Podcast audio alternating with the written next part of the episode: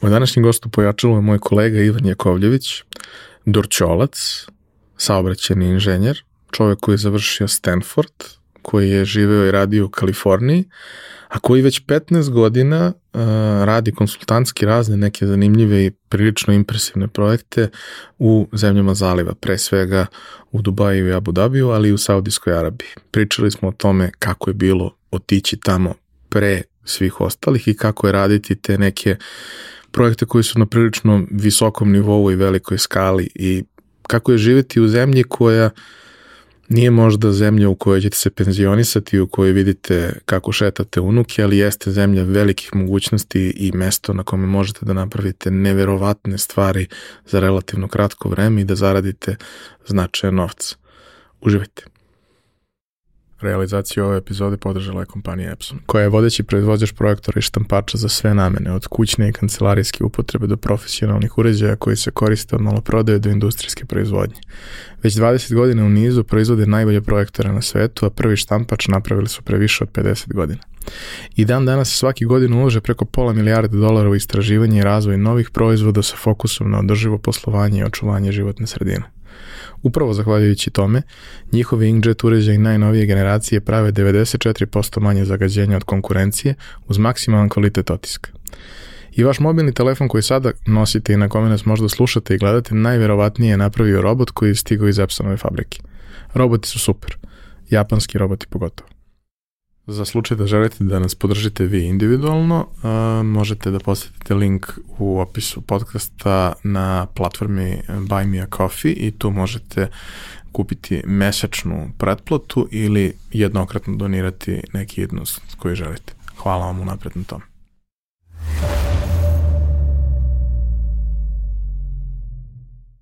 Ivane, dobrodošao. Bolje te naša. Um, Velika mi je čast što smo se upoznali pre, pre nekog vremena i što nas je spojio zajednički prijatelj i, i kolega Laza Džamić. I Laza ima tu sposobnost da s vremena na vreme me samo stavi u mail ili u poruku na, na LinkedInu sa nekim i kaže mislim da vi treba da se upoznate. Nije važno zašto, ali ako on to misli, gotovo izvesno to tako treba da bude. I iz naših dosadašnjih susreta to je evidentno da je, da je trebalo da se upoznamo, jer ljudi koji imaju slične dijagnoze se dosta dobro razumeju. Da ne pričamo o sličnim imenima. O da, o da. Ovaj, a, tvoja priča je krajnje zanimljiva i, i, i drugačija od prosto većine nekih uspešnih poslovnih priča ovde, jer je vezana za neka podnevlja koja nisu baš a, toliko česta. Naročito nisu česta na tom nivou dešavanja stvari. Neću mnogo da spojulujem, pričat ćemo o tome kasnije više, ali tvoja karijera je prethodnih više od 10 godina vezana za Dubaj i Abu Dhabi, Saudijsku Arabiju na jednom prilično visokom nivou i imaš jako dobar uvid u sve te stvari, a pritom dugo si tamo i jako dobro razumeš i kontekst i kako je sve to raslo i postalo to što je danas i šta su neke specifičnosti. To je, kažemo, možda ključna stvar kojom ćemo se baviti, ali svaki razgovor u pojačalu počinje istim mančmelom pitanjem. Šta si te da budeš kad porasteš? E, ovaj, a, prvo, hvala ti na pozivu i zaista drago mi da smo ovdje i drago mi da smo se upoznali i sve ovo što si rekao i za Lazu i sve ostalo apsolutno stoji i pozdrav, veliki pozdrav za, za Lazu i zahvalno što nas je, što nas je spojio. A, što se tiče Munchmellow pitanja, mnogo sam razmišljao o tome da budem iskren gledajući tvoje, gledajući tvoje prethodne epizode i razmišljao sam šta da kažem. Ovaj, kao klinac, ono, nemam, nemam osjećaj da, je, da, da je to bilo nešto posebno. Znaš, ono, kao klinac hoćeš da budeš ili policajac ili hoćeš da budeš vatrogasac vatrogasac, ono, ja sam odrastao u neko drugo vreme, mi smo odrastao u neko drugo vreme, pa sam teo da budem i pilot u Jugoslovenskoj narodnoj armiji, znaš, ono doba. I sve to kao te neke, kao ta klinačka neka odrastanja, a onda je došao neki period kada smo svi počeli da gledamo NBA, posle dva, ono, dva ujutru, tri ujutru, četiri ujutru, i ja sam teo da budem Michael Jordan. I ovaj, ta želja me zapravo nije napustila do, do, do, do, do, do dok nisam napunio na 40, 40 godina, kada sam shvatio da od toga verovatno neće biti ništa, ali to je verovatno ono jedno svedočanstvo tome da želje mogu da traju dosta, dosta dugo. Da, te dečačke želje ove, su, su jako važne. Svaki put kad kažem to dečačke želje, neko se ove, javi kao ono, a, a devojčice. siguran sam da i devojčice žele i sanjaju, samo nemam lično iskustvo sa tim. Tako. Sa ovim imam i znam tačno kako izgleda i koliko je zapravo važno sve to što si želeo kroz odrastanje, da nađeš neki prostor za to i kroz neki zreli život da bi negovo na kraju dana to da. dete u sebi. Da. A, kako je, da kažemo, tekla ta priča u, u samom startu? Ono, a, to neko odrastanje, prvi deo formalno obrazovanje i sve ostalo, šta te je interesovalo, ko su ti bili neki uzori, mm -hmm. ko, su ti, ko ti je davao neke vrste smernice i ideja šta ćeš da radiš sa sobom. Da. Pa znači ako prvi deo je bio ovaj, odrastanje, bio mislim ono dosta, dosta uobičajen, dosta prosječan, ja bih rekao. Ja sam odrastao, rođen sam i odrastao sam u Beogradu na Dorčelu, tamo sam proveo zapravo najveći deo svog nekog dečaštva, mladog vremena, odatle sam išao na fakultet, znači prvi 25-6 godina svog života sam ja zapravo proveo, proveo tamo. I to je bilo ono, znaš, ono, osnovna škola, srednja škola, drugari, fakultet i ništa nije ukazivalo da će sledećih 20 godina da bude dosta, dosta drugačije, drugačije od svega toga. Zapravo najveći, naj, naj, najveći, najveći presak se desio kad sam otišao u vojsku. Znači, kažete, do tada je sve teklo, završiš osnovnu, srednju, fakulte, zaposliš se, odeš u vojsku, znači priča koju maltene većina ljudi koji su odrastali na ovim prostorima su imali.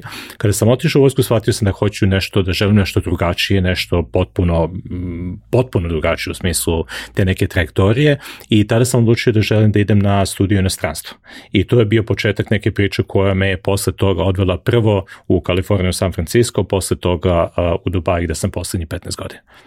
A uh, šta si e, studirao, pošto je to isto uh, interesantno, znaš, svako ko se opredeli za neki fakultet i koga završi, to jeste to svedočanstvo upornosti pre svega, pa onda sve drugo, ali obično kao ako ostaneš veran toj nekoj ideji koju si imao prilikom upisivanja, ako istraješ u svemu tome, jedan deo toga je sigurno to što hoćeš da ispoštuješ roditelje, mm -hmm. jer je njima to jako važno. Da. Čak i kad ti shvatiš da tebi više nije nekako iz ljubavi i odgovornosti istraješ u tome. Ali obično u tom procesu uh, možda ne saznaš šta želiš da radiš, ali saznaš jako dobro šta nikako ne želiš. Da, da. E, ovaj, da, mislim to dosta, dosta, do, dosta dobar opis. Ja bih recimo uh, kao jedna od tema koja se provlači kroz, da kažem, čitom moj dosadašnji život, što uh, lični, što, što, što pre svega profesionalni, mislim, postoji ta neka tema s jedne strane uh, uh, nevezivanja, odnosno nefokusiranja previše na jednu, jednu konkretno određenu stvar i postoji neka tema gde sam uvijek želeo da probam različite, različite stvari, da postanem neka vrsta generaliste ako hoćeš. Tako da, uh, da se vratim na tvoje konkretno pitanje, ja sam završio saobraćajni fakultet, a to nije bilo iz razloga što sam ja imao neku, da kažeš, dečačku sklonost prema, prema saobraćaju, nisam teo da budem saobraćajac, teo sam da budem jel, pilot ili, Mike, ili Michael, Michael Jordan, ali to je u tom trenutku bio fakultet koji, koji sam ja percipirao a, da će mi dati a, a, vrstu obrazovanja koje će me dobro pozicionirati za uslove koji su vladali, vladali u tom vremenu. A, ideja je bila, to je bilo sećate vreme tamo negde posle, uh, uh, kad, su, kad, su, kad, su, kad su bile sankcije, uh, ideja je bila da država Srbija, Jugoslavija u tadašnje vreme je država koja se nalazi na raskrsnici puno puteva, da će uvek biti posla za ljude koji se bave nekom vrstom saobraćaja, nekom vrstom transporta, nekom vrstom logistike, jel? jer nezavisno od toga u kojoj formi država živimo, u kojoj formi ekonomija živimo, mi se nalazimo tu gde se nalazimo, naša geografska pozicija se neće promeniti, tako da će uvek biti potrebe za tim. I to je bio jedan razlog zašto sam ja, ono, ne imajući neku drugu ideju, odlučio da upišem i završim saobraćajni fakultet. A šta ti je doneo fakultet? Mislim, to je ipak neki proces koji traje mm -hmm. i podrazumeva ono niz nekih ispita koje treba položiti, niz nekih stvari koje treba ispuniti a obično ne bude onako kako smo zamišljali i očekivali, čak i ako smo se jako dobro raspitali šta nas čeka tamo. Da, da. I saobraćaj fakultet je inženjerski fakultet, pre svega. Znači, on podrazumeva veliki fokus na uh, prirodne nauke. A u, da li u pitanju matematika, da li su u pitanju operacije, da li su u pitanju, da li u pitanju fizika, da li su u pitanju, znači ta ljubav prema nekim stvarima koje su vrlo merljive i vrlo konkretne, jeste bilo nešto što sam ja dobio i što sam ono što se kaže uh, uh, što je uznapredovalo kroz to, kroz to moje studiranje. Da saobraćaj konkretno kao struka nije nužno bilo nešto čime sam ja želeo da se bavim u životu, jel? ali ta neka osnova u smislu, da kažem, načina razmišljanja, znači nešto ili jeste ili nije, postoje rešenje za svaku jednačinu, postoje inputi, onda postoje i output, jel? Taj način razmišljanja mislim da je bio jedna od vrednosti koju, koju sam stekao kroz, kroz tu vrstu školovanja. Ja mislim da je jedna vrlo bitna stvar sa tim uh, klasičnim inženjerskim fakultetima, za razliku od onoga danas što, što imamo kroz apsolutnu digitalizaciju baš svega, uh -huh. da ti klasični fakulteti uh, ti um, donose jedan poseban set znanja, veština, uh, možda ne čak ni dovoljno, da kažem, egzaktnih veština koje su tržišno potvrđene, jer je više teorijska stvar, ali teraj da razmišljaš, da razmišljaš o fizičkom svetu, mm -hmm. što je komplikovan. Kada treba nešto da pređe ono, put od tačke A do tačke B, a tu ima mnogo neke e, vode, puteva, uskih grla, svega ostalog, promena granica, čuda, to je mnogo kompleksnije i zahtevnije i zahteva drugačiji način razmišljanja nego što je u digitalnom svetu gde informacija stiže sa, tačku, sa tačke na tačku zemljene kugle u milisekundi i nema uglavnom mogućnosti da ona bude izmenjena, da zakasni, da nastane neki problem, osim u slučaju nekih zemalja gde, gde nisu baš dobro došle sve vrste informacija. Ovaj, I onda daje neki, ono, taj pravi inženjerski mindset iz mog ugla je mindset koji funkcioniš u fizičkom svetu. Jer ako funkcioniš u fizičkom, u digitalnom će funkcionišati sigurno i bit će mnogo jednostavnije. Da.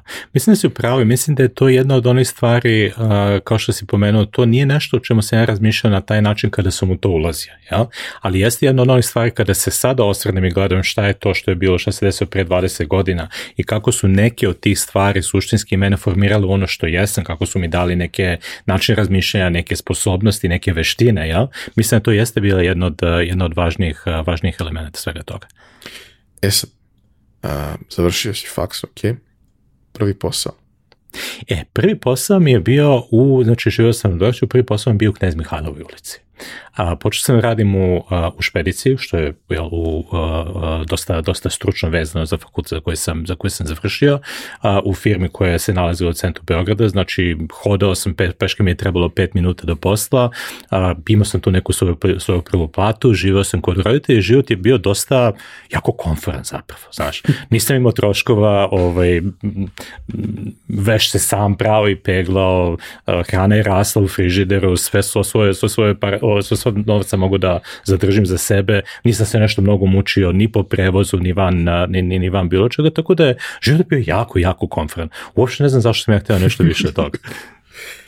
I šta se onda desilo? A, otišao sam u vojsku. A, znači, radio sam nekih godina, godina i po dana, tu sam već bio došao do, do, do, do perioda kada sam morao da, da, da, da, da idem u vojsku, to je tada starostna granica bila, tada je vojska bila obavezna, jel?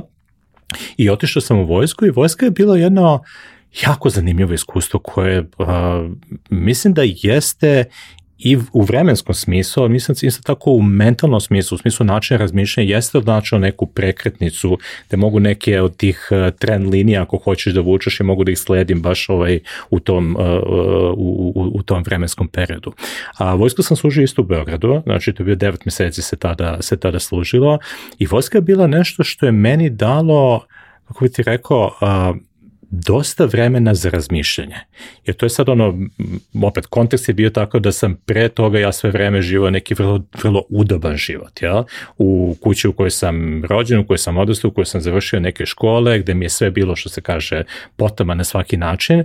To mi jednom istre, istrego iz te neke, uh, iz te neke m, svakodnevice, ako hoćeš, stavilo me na neku malo drugačiju trajektoriju, upoznalo me sa nekim dosta drugačijim i ljudima i principima i situacijama, ali isto kažem ti što je najvažnije u tim nekim a, a, satima dežurstva, požarstva u 3 ujutru, 4 ujutru u kasarni na banjici, dalo mi je jako puno vremena da razmišljam a, o tome šta je to što želim da budem kad porastem, a da nije Michael, Michael Jordan. Ja? I došao sam do, do, do nekog zaključka da je ono što želim zapravo nešto potpuno, nešto potpuno drugačije i da želim da se oprobam u nekim potpuno drugačijim situacijama, što je u tom trenutku podrazumevalo neku vrstu odlaska u inostranstvo. Sad, linija razmišljanja je bila, ok, u to vreme, opet ti ćeš se sećati, prepostavljam i, i, i, dobar deo naših gledalaca i slušalaca, to, ni, to je bilo vreme koje je bilo dosta drugačije od ovog današnjeg vremena, nije bilo baš tako lako, ono, samo pokupiti, pokupiti stvari i otići. Uh, najlakša varijanta da se odmije u u to vreme je bilo da se završe posle diplomske studije. Ja? Uh, I ja sam shvatio da je to jedna od, jednom puta koji želim, koji želim da sledim i odlučio sam da se prijem za posle diplomske studije u inostranstvu. Sad postoje su dva puta.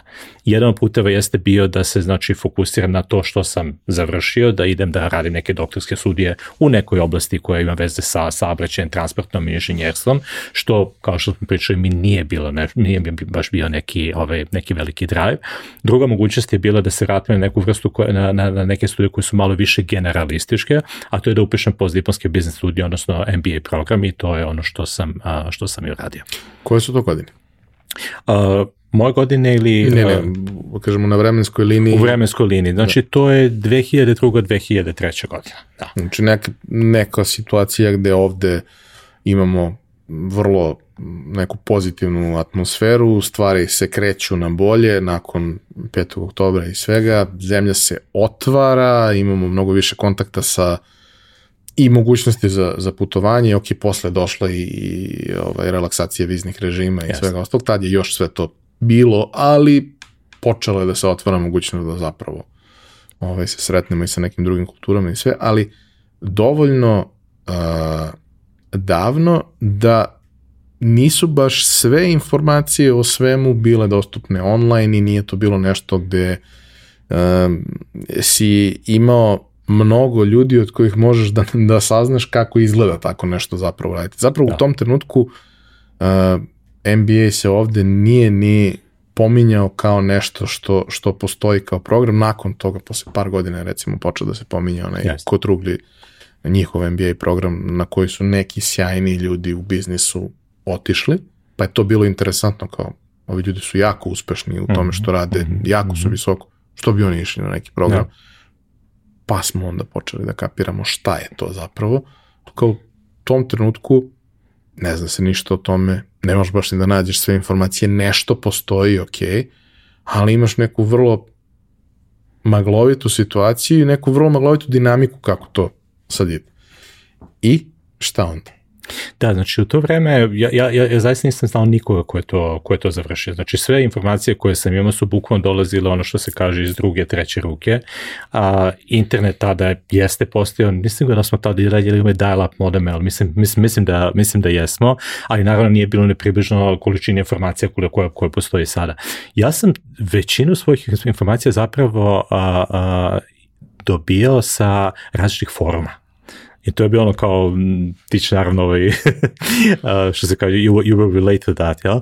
Ove, ovaj, to su bili znači, ljudi koji su delili svoje iskustva na različitim, na različitim forumima. Ja se sećam da sam dane i noći provodio čitajući najrazličitije iskustva, pod jedan pokušavajući prvo da shvatim šta je to zapravo, da bih mogao da donesem odluku da li je to zapravo nešto što ja želim ili ne, što program sam po sebi, što rezultati tog programa u smislu u kom te, u kom te pravcu ti programi, završetak tih programa naravno usmerava, a onda kada sam odlučio da to jeste to, da to jeste taj neki cilj kome želim da težim, a onda naravno odlučiti koji pod cilj, odnosno koju konkretnu školu, koju konkretno program, sećam se u to vreme postoje su velike razlike između evropskih i američkih programa, što sa stanovišta programa, što sa stanovišta, ako hoćeš i finansijskih efekata i svaki drugi, tako su to bile neke odluke koje sam takođe morao da donesem, opet um, verujući onome što čitam na, na, na, na razno raznim forumima poput današnjeg Reddita i uh, kako ide, kako teče cela situacija, šta su sve stvari koje su trebale da se dese, koji je neki vremenski opseg, na koji način si pravio selekciju, odabir mm -hmm. šta, gde, kako, kako si dobio informacije, povratne od njih. Da. Znači, pričamo o nekom vremenu, ja sam, ja sam iz vojske izašao uh, sredinom 2003. godine, to je bilo relativno skoro posle ubistva uh, premijera Đinđića. Uh, I tu sam odmah počeo sa, uh, sa, sa, sa, sa prikupljanjem informacija. Uh, rok za prijavljivanje, ako se ja dobro sećam, bio kraj 2003. godine, znači priča o nekom vremenskom periodu od šest meseci gde sam ja s jedne strane prikupljao informacije da bih uopšte doneo odluku i onda kada sam doneo odluku, pripremanje za polaganje ispita koji su bili potrebni da se, testova koji su bili potrebni da se polože, to je bio test engleskog jezika, ta, drugi test je bio taj GMAT test koji je generalni management, uh, odnosno generalni test, jel? neke vrste poslovne inteligencije, poslovne matematičke, svake druge uh, uh, verbalne inteligencije uh, i uh, prijava sama po sebi je takođe podrazumevala pisanje eseja, uh, gde ti možeš da ponoš se kaže da se pogledaš duboko u sebe i da zapravo shvatiš šta je to, zašto ti zapravo želiš da, želiš da ideš tamo. To je meni recimo kao, kao, kao, kao side note mi je bilo a, dosta zanimljivo jer to nije nešto što smo mi navikli da radimo kao, kao, u, kao naše školstvo. Ja? ja sam gledao one testove koje sam trebao položiti, ok, test kao test, polagao sam milion testova u životu, znam da znam, znam da mogu dobro da se spremi za test i to mi nije bio toliki problem ono da se mentalno stavim ono što se kaže u taj, u taj voz i da, da se dobro spremim i da položim, i da položim test.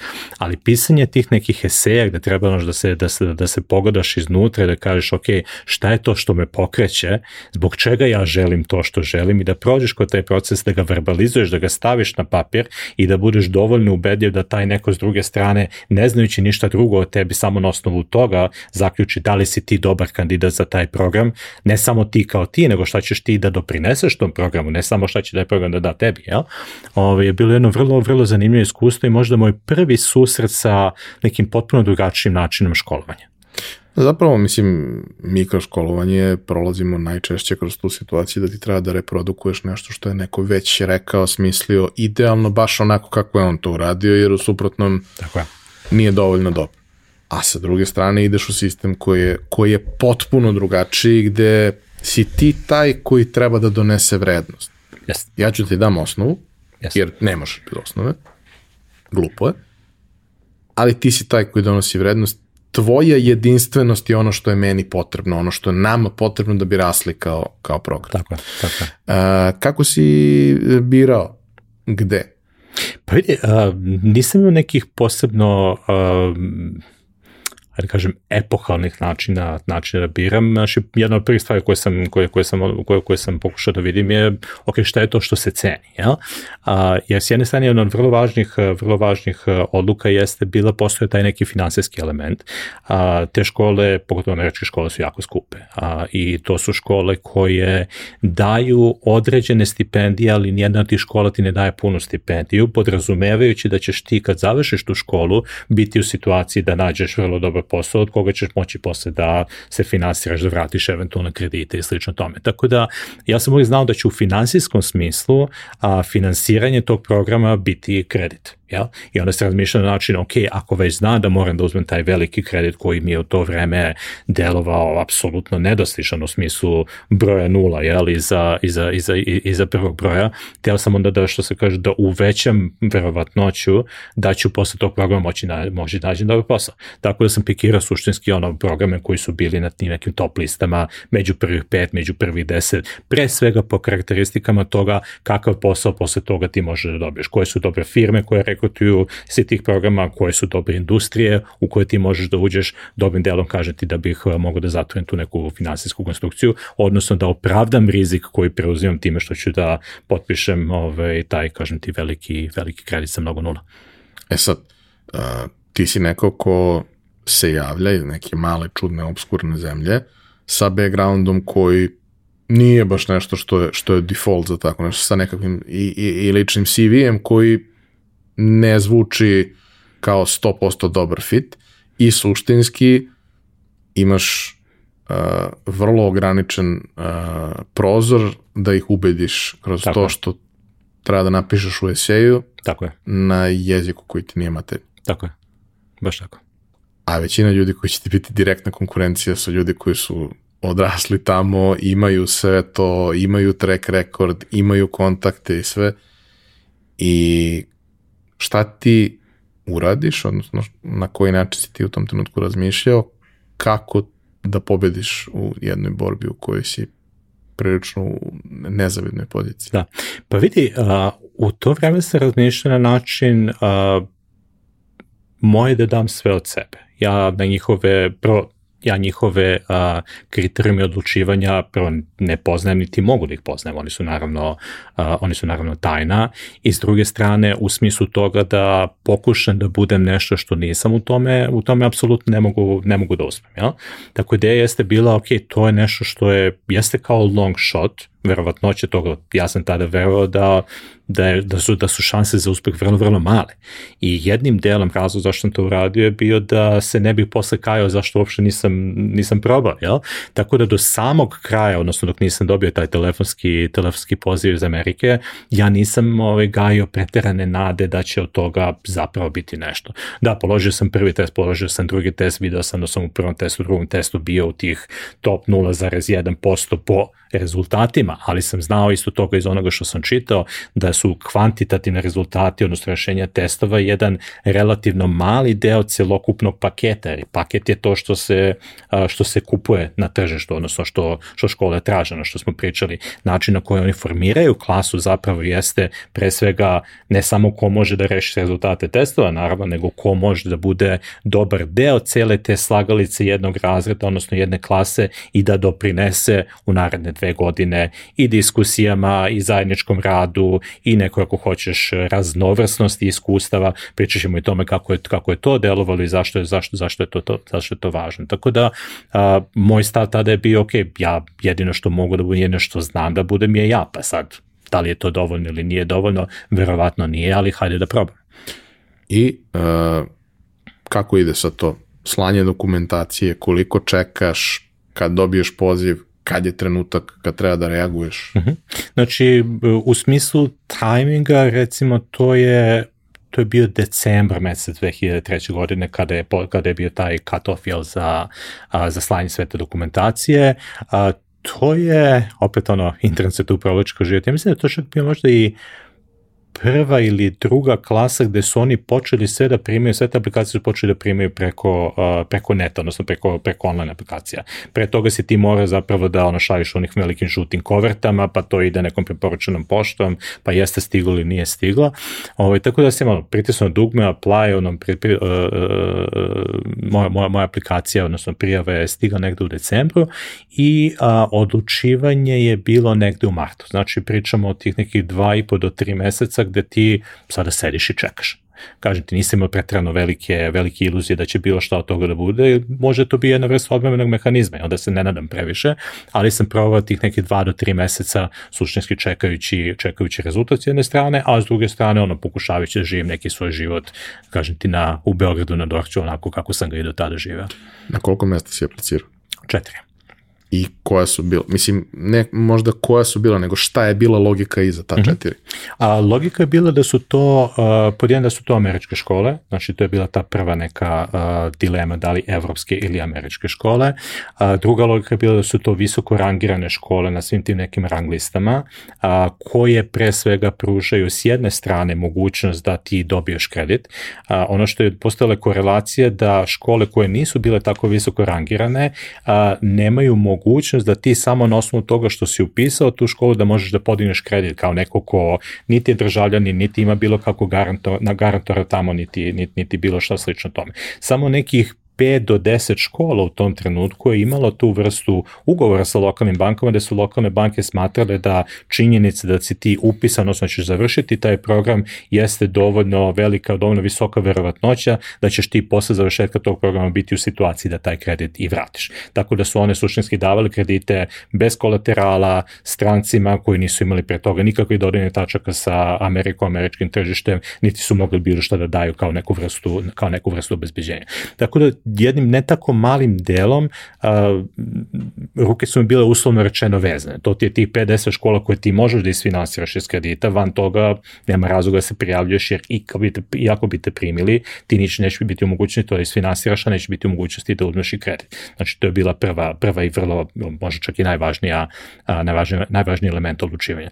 Drugi element odlučivanja jeste bio ono pokušaj razmišljanja na način, ok, da vidimo koja je to vrsta ljudi, koji je tipičan background ljudi koji ulaze u sve to. Da li je to neki background ljudi sa kojima mogu na neki način da se identifikujem, pa ti se recimo škole koje su dosta tradicionalne, kojima je 80 ili 90% klase iz recimo tradicionalnih financija, investicijonog bankarstva sa Wall Streeta ili consultinga, sve neki ono, ono neki backgroundi kojima ja jednostavno nisam pripadao, ja? A onda si ima s druge strane škole koje su bile malo šire u shvatanju, koje su shvatale da u tom nekom, a, a, u toj nekoj raznovrsnosti leži, veli, leži visoka vrednost kojom ne mogu da obogate svoj, a, svoj razred, odnosno svoju klasu i onda sam ja shvatajući da ja mogu biti ta neka raznovrsnost, ja s obzirom da nisam... egzotike. dodir, dodir egzotike, bukvalno to, ovaj, sam shvatio da, da, da, da su mi tamo možda šanse veće. Tako da na kraju sam se prijavio za, za, za, za, za, za četiri škole, a, dve škole su me, dve škole su me primile i, i, i, i otišao sam na Stanford. Nisi otišao na loše mesto.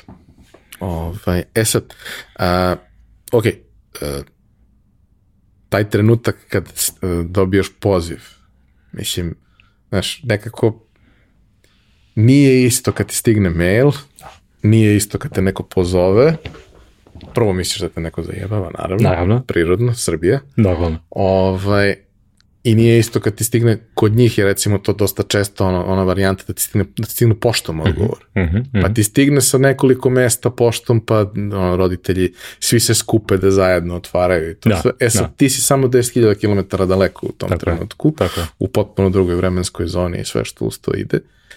Kad stiže poziv, odnosno oba poziva, i kako si odlučio i kako idu pripreme da tamo odeš, kad treba da budeš tamo, šta treba da znaš, Da. A, znači, ono što sam ja a, znao iz tog mog istraživanja ili sa svih tih foruma jeste da a, poziv, kada je Stanford konkretno u pitanju, a, znači da si primljen na program. Jer a, red veličina, ako se ja sad sad ovo sećam, znači klasa je oko 400 studenta, godišnja klasa, broj ljudi koji se prijavljaju godišnje je oko nekih desetak hiljada, recimo, jel? Tako da, logično je da oni ne zovu deset hiljada ljudi telefonom, jel? I a, ono što oni rade zapravo, tih a, 9600 studenta koji nisu primljeni, dobiju odbijenicu, da li je to bio mail, da li je to bila pošta, da li je to bilo kroz aplikaciju, znači kroz koju, kroz koju si se prijavio, ali poziv ne stiže. Znači, sama činjenica da telefon zvoni, i da te neko zove, zapravo jeste vrlo, vrlo dobra činjenica. Ovaj, bilo je negde šest, šest popodne, šest i pet popodne, što, jeli, ovaj, razumećeš, odgovara 9 i 5 ujutru po, po, po, po, po, po vremenu na zapadnoj obali. A, zvoni je telefon, moj, a, moj, moj, moj, moj brat se javio i ovaj znaš ono, scenu naravno i pamtim i danas ovaj gde ulazi gde ulazi u sobu gde smo da, da, smo mi svi sedeli sa osmehom osmehom jeli od uveta do uveta i kaže za tebe neko te traži pričaju na engleskom ja e i to je bio znači trenutak koji neka vrsta ako hoćeš onako veruješ u tu neku i spiritualnost i sudim sve neka vrsta vododelnice posle koje moj život otiče na, na jednu vrlo vrlo a, a, zanimljivu stranu naravno, to je prvi korak. Tako je Drugi korak je da se ti spremiš, da možeš da odeš zapravo tamo i sve što uz to ide. I naravno, odlaziš u nešto što je potpuno drugačije od svega na što si u tom trenutku navikao. I daleko je i nije nešto gde možeš da se i vratiš jednostavno. Komplikovano na svoj način. Nisi ti više ni klinac. Mm -hmm. Ti tamo ideš kao ozbiljan čovjek. tako je Mislim, tek ćeš da postaneš stvarno ozbiljan, ali ideš kao neko ko je već formiran u, u svakom smislu. A, kako je teko taj, taj deo priče? Mislim, šta sve treba da uradiš od tog trenutka kada ti kažu ok, primljen si, spremi se i dođi. Šta znači spremi se i dođi? Mm -hmm. Vidi, postoji, postoji naravno gomila administracije ko možeš da završiš uh, u tom trenutku, znači da li je to vezano za vizu, za validaciju programa da bi ti dobio tu neku studentsku vizu, uh, šta je još sve potrebno da ti pošliješ u smislu, u smislu dobijanja tog nekog kredita, uh, znači postoji taj administrativni deo koji vidi, zahtevan je zahtevan neko vreme, ali ti kada si prešao tu tačku, kada si prošao taj milestone da si ti zapravo primljen, sve je izvodivo i sve je a, relativno a, a, da kažem, e, relativno lako u smislu nije, nije, nije, komp, e, nije, nije zahteva vreme, ali nije pretrano komplikovan. Jel? Postoji, zna se šta moraš da uradiš, postoji deset različitih stvari koje ti moraš da uradiš i znaš kako se one rade, jedna po jedan, neko ti tamo pomogne, ti kaže, ok, sad ideš u ambasadu, sad možeš pošliješ ove dokumente u smislu tvojih, tvojeg imovinskog stanja, da vidi na koju, vrstu stipendije možeš da dobiješ, koju vrstu kredita možeš da dobiješ, koji su uslovi ti kredita i tako dalje i tako dalje. Tako da, to je, kažem nešto je ono relativno straightforward, ajde, da, da, da, da upotrebim, da upotrebim upotrebim tu reč. Ono što je komplikovanije svemu tome je kako ti sad ono nekog da, ozbiljno čoveka, ali opet i dalje klinca koji, a, vidi, ja pre toga nisam, ja, ja sam do tada živo i dalje sa roditeljima. To je meni, znači, moj prvi odlazak iz te neke komfort zone koje ljudi obično u tim nekim godinama ili ranije urade tako što se ocele pa žive u istom gradu ili gradu koji je dva sata daleko kolima ili vozom. Ja prvu vrstu tog preseka radim tako što kažem, ja, ok, mama i tata, ja odoh, idem na drugu stranu planete, kad vi budete spavali, ja ću biti budan i obrnut to i idem da probam da, da, da, da uradim nešto potpuno drugačije. Tako da taj presek, znači kako to izvesti pre svega na, ako hoćeš i mentalni i emotivan i svaki drugi način je možda ono bilo nešto što je bilo do, mnogo, mnogo teže od samog tog, kažeš, administrativnog dela. E, godina, pretpostavljam, počinje u septembru, kao i tako. sve što je bitno tako, u životu što počinje tako u septembru. Je, da, kad ti treba da budeš tamo? Šta tebe tamo čeka kada dođeš? Mhm. Kako uopšte izgleda taj ono onboarding? Da, da. Znači, odladim tamo negde sredinom augusta, sredinom augusta a, i za sve nas studente iz inostranstva postoji taj neki a, program od recimo nedelju dana gde oni nas a, kao studente koji nikada nisu živjeli u Americi a, uče osnovama života u Americi ajde recimo tako, a, gde da nađeš kako da dobiješ social security number, kako da dobiješ a, a, ličnu kartu, odnosno vozačku dozvolu, gde da kupiš tanjire posuđe, na koji način da otvoriš račun u banci i tako dalje tako. Kako sve te stvari funkcionišu. Neke od tih stvari su dosta relativno jednostavne, neke od tih stvari su mogu da budu dosta komplikovane, pogotovo ako se nalaziš u sredini koja nije nužno a, a, prilagođena ljudima koji dolaze sa strane. I tu ću napraviti paralelu, odnosno možemo napraviti, paralelu kasnije kad budemo pričali o tome koliko je Dubaj kao mesto gde svi dolaze sa strane potpunosti prilagođen nekome ko nije odande. Amerika nije, Amerika nije takva, ni, ni, ni, ni blizu. Jel? Ti je potrebno, ne znam, tri nedelje da dobiješ social security number da bi mogao da dobiješ vozačku dozvolu, a vozačku dozvolu ti traže na svakom čelsku kao formu identifikacije da bi ti mogao nešto da kupiš i sad ti njima objašnjaš da ti nemaš vozačku dozvolu zato što čekaš social security number nekome ko radi na kasi. Znaš, to je sad, to su ono neke vrlo zanimljive, zanimljive vrste konverzacija. U svakom slučaju mi dolazi, ja dolazim tamo znači sredinom, sredinom avgusta, uh, dobijam studentski smeštaj na kampusu, ulazim u taj, u taj stančić, to je kao, to je kao studio nekih uh, 20 kvadrata, krevet, šport, ništa, ništa, ništa mnogo preko toga. I sad taj, taj studio ima, ima ona vrata sa, auto, što, što se automatski zatvaraju, znaš. Ja ulazim sad sa tim svojim kofrom koferom koji je prešao jel, 10-12 12 km, sedam na krevet, a vrata se zatvaraju sa onim metalnim, metalnim zvukom i ja shvatim da sam sad po prvi put u životu 10.000 km udaljeno od bilo koga koga poznajem, a da bilo koja vrsta pomoći je ono, ljudi koji spavaju dok sam ja budan i, i obrnuto i shvatim da je, da je vreme da, da, da, da mali veselje konačno odraste.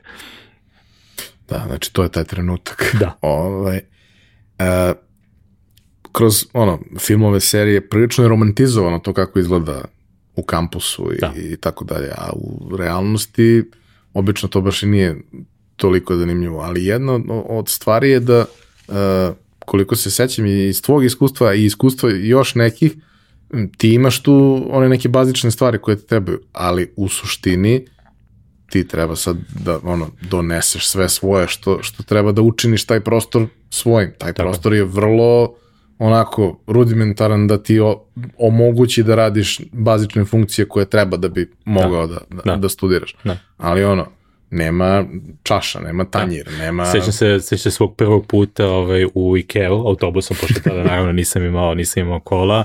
A, Amerika, posebno zapadna obala, nije mesto sa pretvoreno razvijenim gradskim i javnim saobraćajem, tako da to je bilo dosta, dosta šetnje do prvog autobusa, onda autobusom do Ikea, onda iz Ikea oni kompleti 365, jel, tanjira, čaša, esega i svega toga. A, ukupne težine čini mi se negde između 25 i 30 30 kg, onda to na rame, pa do autobusa, pa autobusom u studiju, tako da ono, bilo je tu malo tih nekih izazova i te, i te prirode, ali a, Znaš, jedna stvar u tom trenutku vraćam ponovo na onu scenu ovaj, uh, kada, su se, kada su se vrata zatvorila, uh, prvo pitanje je šta sad? Jel, ok, ti se sad naš u potpuno novoj situaciji na maltene drugoj planeti, daleko od bilo čega, od bilo kakve vrste pomoći da si svoj na svome, ja? I sad kako ti da rešiš tu vrstu problema, ono, da, da, da, da, da počneš da živiš, da počneš da se snalaziš, da, da pravi, da stvaraš svoj život zapravo, zapravo, zapravo ni od čega. I rešenje u tom trenutku je bilo ono, ok, taj veliki problem suštinski raštaniš na, na, na, na, na veći broj manjih problema, ja? Znači, ne šta ću ja sad crni ja, nego, ok, meni su potrebni a, sudovi i esceg. Rešit ću to na način što ću da odem do Ikea i da kupim taj set sudova i escega. Tako da a, to je bio taj kažem, način razmišljanja da, da, da, da se izvučem iz te trenutne uslovno rečeno paralize, odnosno a, situacije na kojoj, u kojoj sam se po prvi put nalazio. Da, imaš ono, možda ono, ne možeš da rešiš sve, ali svaka mala pobeda ti u tom trenutku znači. Tako je. Tako je. E sad, tu je i drugi deo priča, a to je da po prvi put dolaziš u kontakt sa tim ljudima koji su deo tvog istog studijskog programa. I ok, u, u, u konkretnom slučaju je to internacionalizovana ekipa u određenom obimu, ali nije baš isto. Naravno, svako okruženje vuče sa sobom nešto, ali ljudi koji dolazi ili su lokalci ili su već bili u američkom sistemu obrazovanja, ipak imaju drugačije startne pozicije, ne zato što ih neko gleda drugačije, nego zato što su oni drugačiji. Da. Kako je to izgledalo kad si prvi put otišao da. ovaj, na predavanje i shvatio da to nije ono na što si ti do tog trenutka Da, to je, bilo, to je bilo jako zanimljivo, mislim, ono, to je serija kulturnih šokova, naravno, jel? Što, što u smislu života u Americi, što u smislu a, potpuno drugačijeg načina, načina obrazovanja.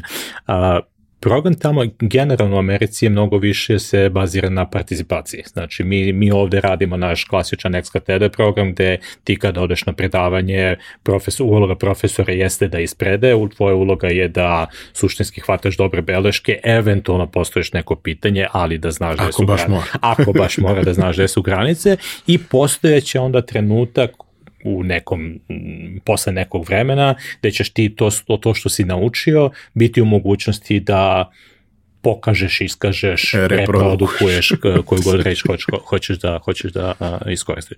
Uh, u Americi je to drugačije generalno u smislu da je participacija jedan, uh, jedan veliki deo uh, razumevanja. Njihovi časovi podrazumevaju da uh, profesor je taj koji je suštinski, suštinski fasili, facilitator a, diskusije i gde se kroz diskusije, kroz pitanja, kroz odgovore, kroz sučeljavanje stavova se dolazi do nekog rešenja koje u dobrom delu slučajeva jeste nešto što je profesor i hteo da postigne, ali u nekom manjem broju slučajeva može da bude i nešto što je potpuno, potpuno drugačije, ali može biti vrlo relevantno, relevantno i legitimno. Zato je jedan od razloga, ono što čemu smo pričali, zašto, gde, gde, gde, gde postoji vrednost tog nekog, te neke raznovrsnosti, ako hoćeš, pogotovo kad dođeš u biznis školu, da su svi ljudi koji ipak imaju nekog poslovnog iskustva. Redko ko dođe posle završenog fakulteta, obično su ljudi koji su, su, koji su dve, tri, četiri do pet godina ipak radili na nekom mestu, pa ti se da imaš ljude koji a, učestvuju u diskusiju sa svojom perspektivom koju su stekli sa Wall Streeta ili imaš ljude koji su učestvuju pa su, ne znam, neko je bio konsultant u Chile, neka treća osoba je, ne znam, radila real estate u istočnoj Evropi. Znači, onda svako, svako iz svog nekog iskustva, iz ugla gledanja, daje svoj a, a, a, prilog ako hoćeš, odnosno uh, contribution celoj diskusiji i sučeljava mišljenje da bi došli do nekog na, najboljeg rešenja koja podrazumeva ono sagledavanje vrlo različitih uglova gledanja, što zapravo jeste jedna dobra simulacija toga, toga kako stvarni život zapravo, zapravo, zapravo funkcioniše. Tako da za nekoga ko je naviko da uh, studira tako što će otići na predavanja, vrlo pažljivo slušati, hvatati vrlo dobro beleške, ali ne pitati baš pretrano veliki broj pitanja, to je za mene bila jedna vrsta, jedna vrsta kulturnog šoka. Ja? A, vrlo brzo sam shvatio da a, ako želim da budem uspešan u tom nekom akademskom smislu, naravno da moram da, da budem aktivan član a, te, te a, aktivan učesnik te, te, te diskusije, što za nekoga kome pod jedan engleski nije materinji jezik, pod dva nije na naviknut na tu vrstu sučeljavanja mišljenja čak i do neke granice konfrontiranja, nije bilo nešto što mi ono što se kaže što mi je dolazilo baš pretrano prirodno. Tako da sam ja proveo, sad se svećam nazad, ovaj, proveo sam prvih recimo mesec ili dva strahujući od toga da li će profesor da me prozove da, da dam svoj doprinos nekoj diskusiji i diveći se na neki način ljudima, pričamo o vrlo ljudima koji su ono već postigli mnogo što što imaju vrlo impresivne backgrounde, jel, svaki, sa, svaki na svoj način, diveći se njima i pitajući se šta ja tu uopšte tražim. Da, jer kao oni su elokventni, oni su istrenirani za tako nešto, čak i kad nemaju ništa da kažu, to mnogo dobro zvuči Ili što bi svojevremeno to moj mator je to volao da kaže, je taj trenutak kad sam shvatio da sam u problemu kad su mi rekli e, ono, sine u engleskoj i seljaci govore engleski. Da, da. Svi da. govore engleski. Da. Ovaj, tako da s te strane svakako ono, postoji ta neka doza nelagode i svega nelagode, ostalog. respekta i, i, i svega ostalog. I kažem, to je, kad smo pričali o tome, naravno, mi smo, biznes škola traje ja mislim skoro 100, skoro, skoro 100 godina, niti smo mi prva klasa, niti smo mi prvi ljudi koji dolazimo i koji prolazimo kroz tu vrstu iskustva, tako da postoji čak i izraz admissions mistake, a gde dobar deo studenta se zapravo tako, tako i osjeća, kao da su greškom upali u sve to, pogotovo što podsjetit ću ti ne znaš koji kriterijumi su zapravo bili korišćeni da bi tu uopšte ušao u tu, u tu neku grupu i sad vrlo lako da se ti osjetiš kao neko ko zapravo tu možda, možda, možda i ne pripada. Tako da sam probao prvih par meseci zapravo verujući da je to neka greška i da ja tu zapravo ne pripadam i mm, u tom nekom osjećaju nelagode da, da, da, da, da, da, da stvari ne funkcionišu baš, ba, ba, baš kako treba. Ono što je zanimljivo u svemu tome je da kada prođe taj prvi semestar, kada se ti malo, što se kaže, osetiš svoj na svome, pa kada malo zagrebeš ispod te a, sjajne površine, malo počneš da detaljnije slušaš ljude koji su koji umeju na, da se na vrlo elokventan način izražavaju na svom maternjem jeziku, relativno brzo provališ da dosta često ispod te sjajne površine nema baš pretrano mnogo substance. Tako da sam ja drugi semestar provao pitajući se ne šta ću ja ovde, nego šta će ovi ovde, pošto očigledno ne znaju ništa ni o čemu. Ali to je onaj moment gde je i taj sales koji konstantno radiš Tako je. jako važan. I u mnogim slučajevima to će i bez substancije da ti napravi neku karijeru, samo je pitanje koliko Tako. daleko i koliko visoko možeš da stigneš na taj način. A, čovječe, bio si na MBA-u na Stanfordu. Šta ti je donelo to, to iskustvo tamo, šta su najvrednije stvari, mislim, pretpostavljam da je najvrednija stvar network. Ovaj, to je na takvom fakultetu, na takvom mestu nešto što je neprocenjivo, ali naravno ti si došao i da pokupiš ceo taj neki set biznis znanja sa kojima pre toga realno nisi imao nikakvog dodira. A treba da se pripremiš da za tih par godina koliko ceo proces traje, budeš spreman da budeš konkurentan onima koji su da. došli sa drugačijim da, Da, vidi, ako bi to, uh, ako je pokušao da raščanim na nekoliko elemenata i možda da čak i prioritizujem te elemente, uh, prvi element jeste apsolutno, apsolutno network. Znači, to su uh, generalno ljudi koji su selektirani u te programe i pritom kojima taj program posle postaje odskočna daska za neke dalje karijere. Evo sada, 20 godina kasnije, uh, jedan od mojih klasića će verovatno postati sledeći premijer Velike Britanije. Ovaj, je drugi od, ono, imam nekoliko klasića koji su na Forbesu listi, listi milijardera. Jel? Tako da to definitivno daje tu neku vrstu ulaznice, ako hoćeš, u neko potpuno, potpuno drugačije društvo iskustvo, ljudi koji posle 20 godina, čak i ako nisi s njima imao ne znam kakav odnos, a, u to vreme imate to neko deljeno iskustvo, mogućnost da, da, da, da, da ih kontaktiraš, mogućnost da nešto, da, da, da, da ti pomognu u nečemu i to mi je u poslednjih 20 godina jako puno pomoglo u, u, u, nebrojeno, u nebrojeno mnogo slučajeva. Znači, network je prva, prva stvar. A, druga stvar, a pogotovo za nekoga ko opet vraćamo se na neke, na neke polazne postavke za klinca koji je završio Pero Popović Aga, prvu, prvu Beogradsku gimnaziju i ono, saobraćaj fakultet u Beogradu koji a, uz svo znanje i a, obrazovanje koje su mi dali, ipak nemaju tu neku vrstu globalne, globalne prepoznatljivosti, a Stanford Business škola ti daje tu neku vrstu kredibiliteta.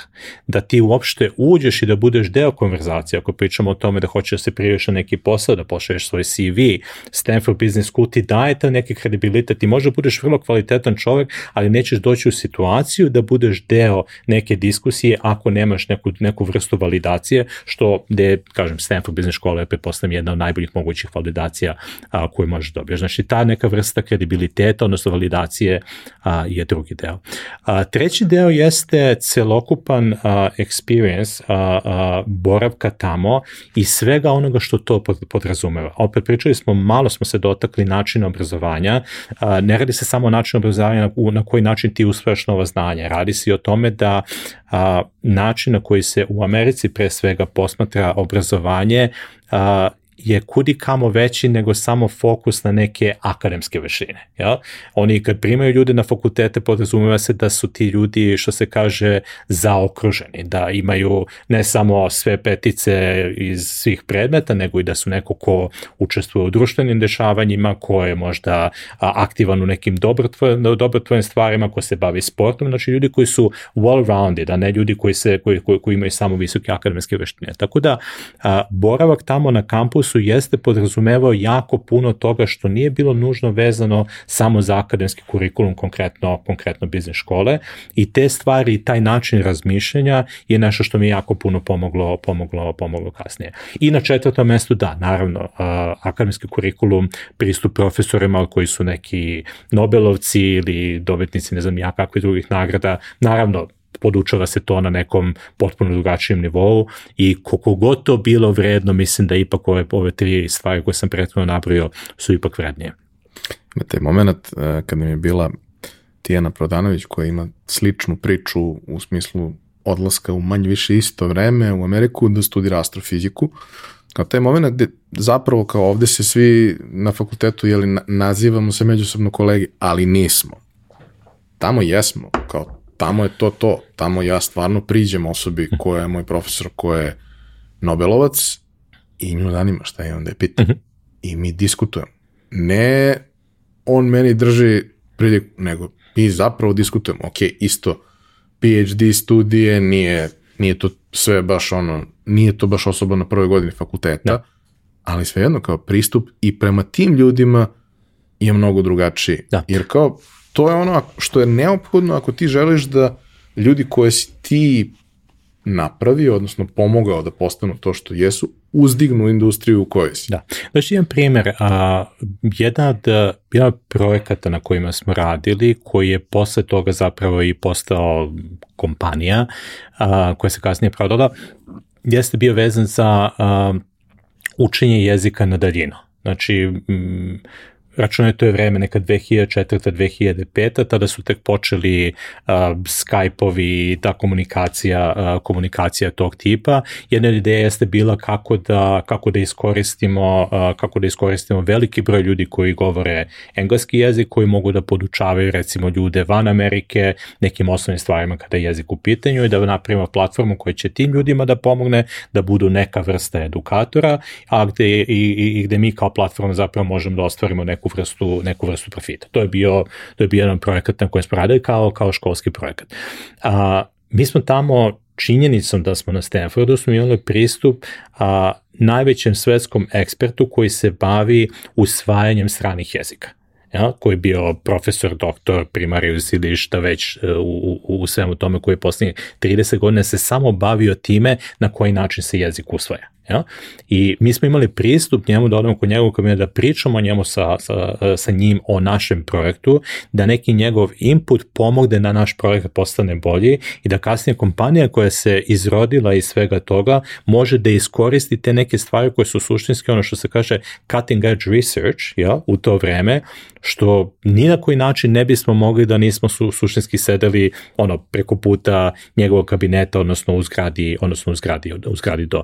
Jedna stvari na Stanfordu, prepostavljam da to važi za veći broj američkih fakulteta, ali Stanford sam po sebi je relativno mali, odnosno relativno, do, dosta je selektivno, dosta je relativno mali broj studenta, jeste ta neka otvorena studentima stu, i, i studentima da uspostavljaju odnose i sa profesorima i da imaju taj, taj neki neometani pristup. Znači ti dobiješ, možeš pomoću uh, interne platforme, imaš e-mailove, telefone, svih profesora koji predaju na univerzitetu, ti njima pošalješ email sa svog Stanford emaila i možeš da očekuješ u 95% slučajeva da će ti neko odgovoriti koliko god taj neko bio, kažem, najveći svetski ekspert u svom, uh, u svom domenu. Ta vrsta pristupa, odnosno mogućnosti pristupa jeste jedna stvar koja je zaista fantastična, zaista sjajna, opet naravno ako znaš da iskoristiš. Da, plus, uh, nismo to pominjali, ali jeste negde bitno plus ceo alumni network koji postoji, jer kao ima samo 100 godina tradicije, pa svašta nešto zanimljivo se dešavalo za tih 100 godina. Tako je. A, dobro. I završiš ti to. Imaš ogroman kredit. Da. I šta sad? A, ja sam to završio i sada pa, opet vraćamo malo na, na, na tu neku vrstu uh, straha od obavezivanja, odnosno to nekog gener, generalističkog pristupa, a, pristupa životu. A, ja počnem da radim u management consultingu. A, jednim delom zato što je management consulting nešto što je bilo dosta dobro plaćeno. Ja nisam imao svu širinu mogućnosti da baš preterano eksperimentišem. Meni je trebao dobro plaćen posao koji meni može da obezbedi vizu da ja u Americi ostanem. Jel? Tako da to je bio jedan od kriterijuma.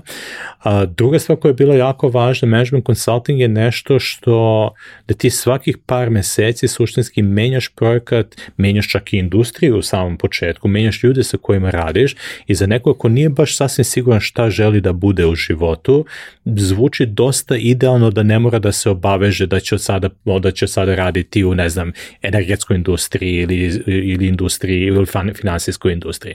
Tako da jednim delom je to dalo sigurnost da kažem mogu da ostane i mogu da počnem da vraćam kredit, a s druge strane sam smatrao da je to nešto što i dalje mi pomaže da držim veći broj vrata otvorenim nego da se obavežem u tom trenutku da, a, da odem u konkretnu industriju ili neku konkretnu kompaniju.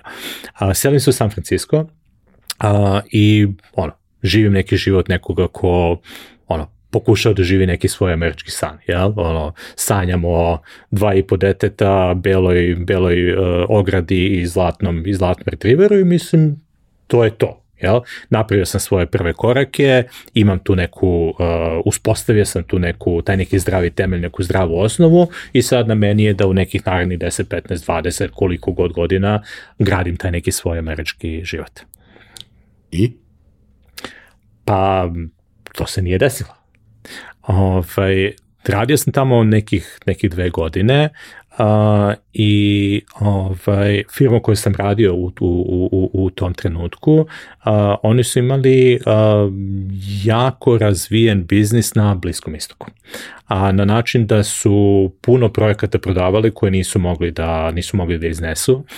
A, I poslali su ono neki taj, da kažeš, cirkularni e-mail svima, jel, po principu a, tražimo ljude koji su otvoreni, spremni i otvoreni da se privremeno na do dve godine presele na Bliski istok, a, naravno između redova i možda čak i ne između redova sa većom platom, plaćenim troškovima za mene kao nekoga ko nije bio američki državljanin, to je podrazumevalo i bez poreza, jel? Tako da u finansijskom smislu je to bila ono što se kaže ponuda, ponuda koja se ne odbija.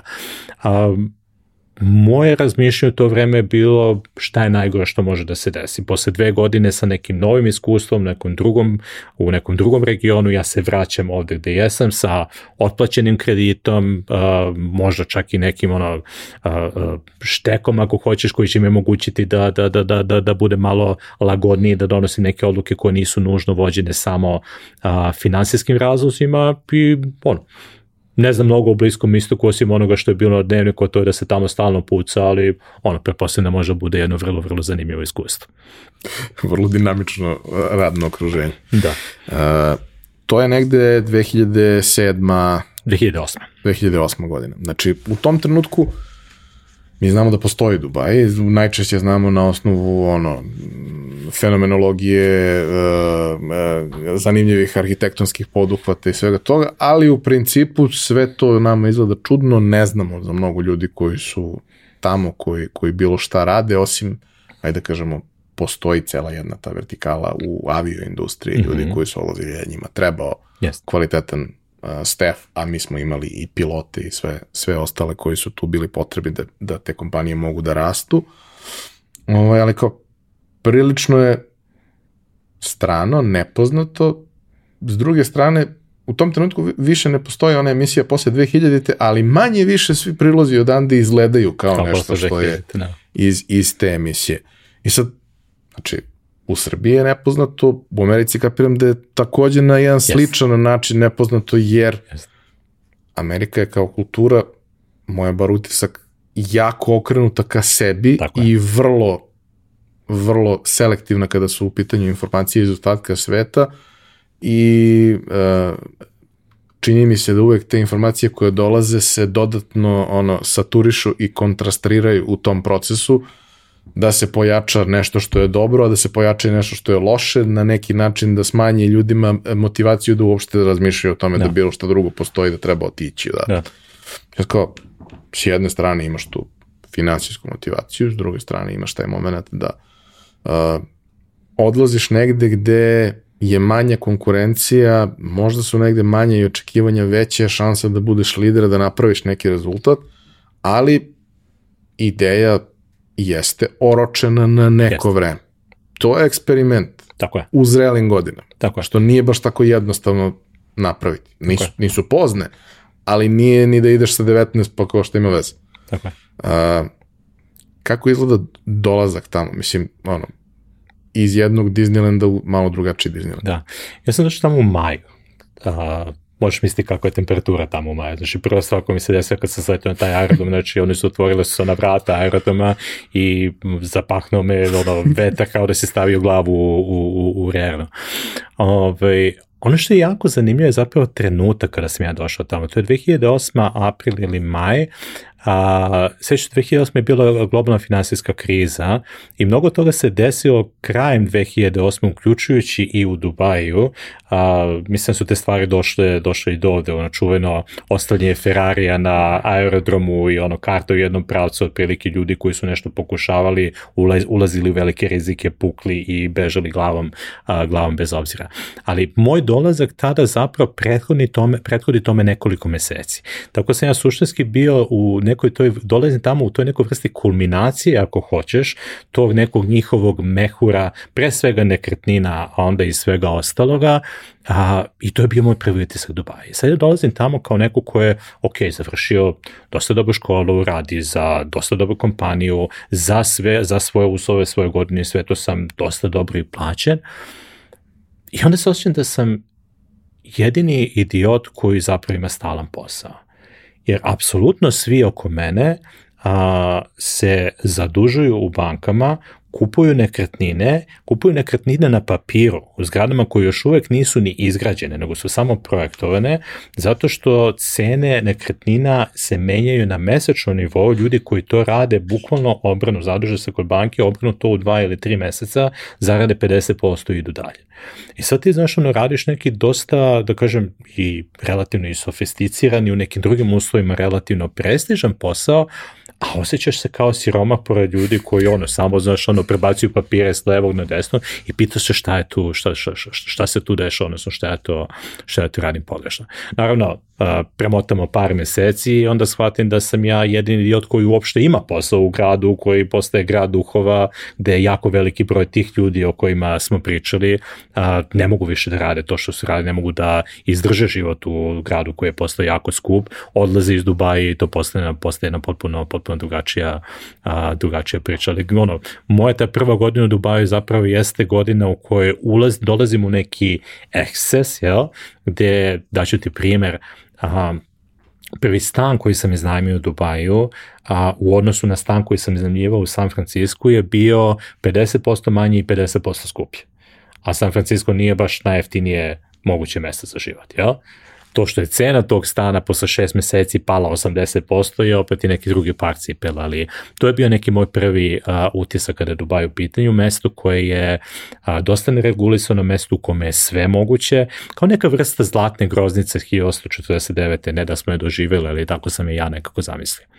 E sad, a, naravno, ti dolaziš i nisi spreman, ali imaš neke informacije. Onda kupiš informacije sa samog okay. terena i kroz vreme zapravo uspevaš da u svojoj glavi rekonstruišeš kako je sve to nastalo, šta na koji način funkcioniše i volao bih kako možeš da nam poslužiš a, Dubaj, uh mhm. -huh. kratku istoriju, uh mhm. -huh. Abu Dhabi kao nešto što se naslanja i što je vrlo uh mhm. -huh. ono pupčanom vrpcom vezano i uh -huh. fizički prilično blizu što pomaže.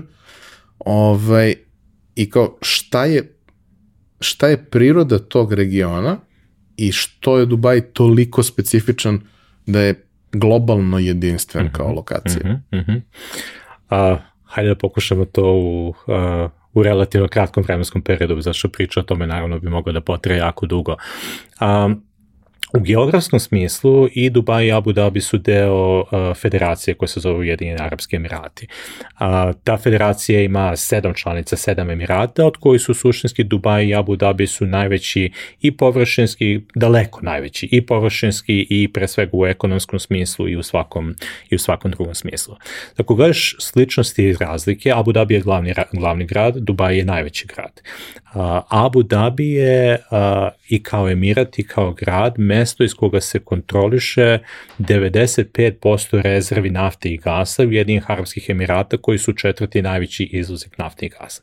Znači kad pričamo generalno o tom regionu i kad pričamo o naftnom bogatstvu iz koga puno toga ide u ekonomskom smislu, a, to je pre svega Abu Dhabi. Jer nafta se nalazi tamo, malo je poznato da Dubaj je svoje rezerve nafte koje je imao iscrpeo još negde krajem 80. ili početkom 90. 90. godine. Znači imamo Abu Dhabi kao mesto koje, u kome ekonomija uglavnom zavisi od nafte i Dubaje koji je ta neki kao komercijalni, komercijalni glavni grad u kome se dešavaju a, a, a, najra, najrazličitije a, ekonomske, ekonomske aktivnosti.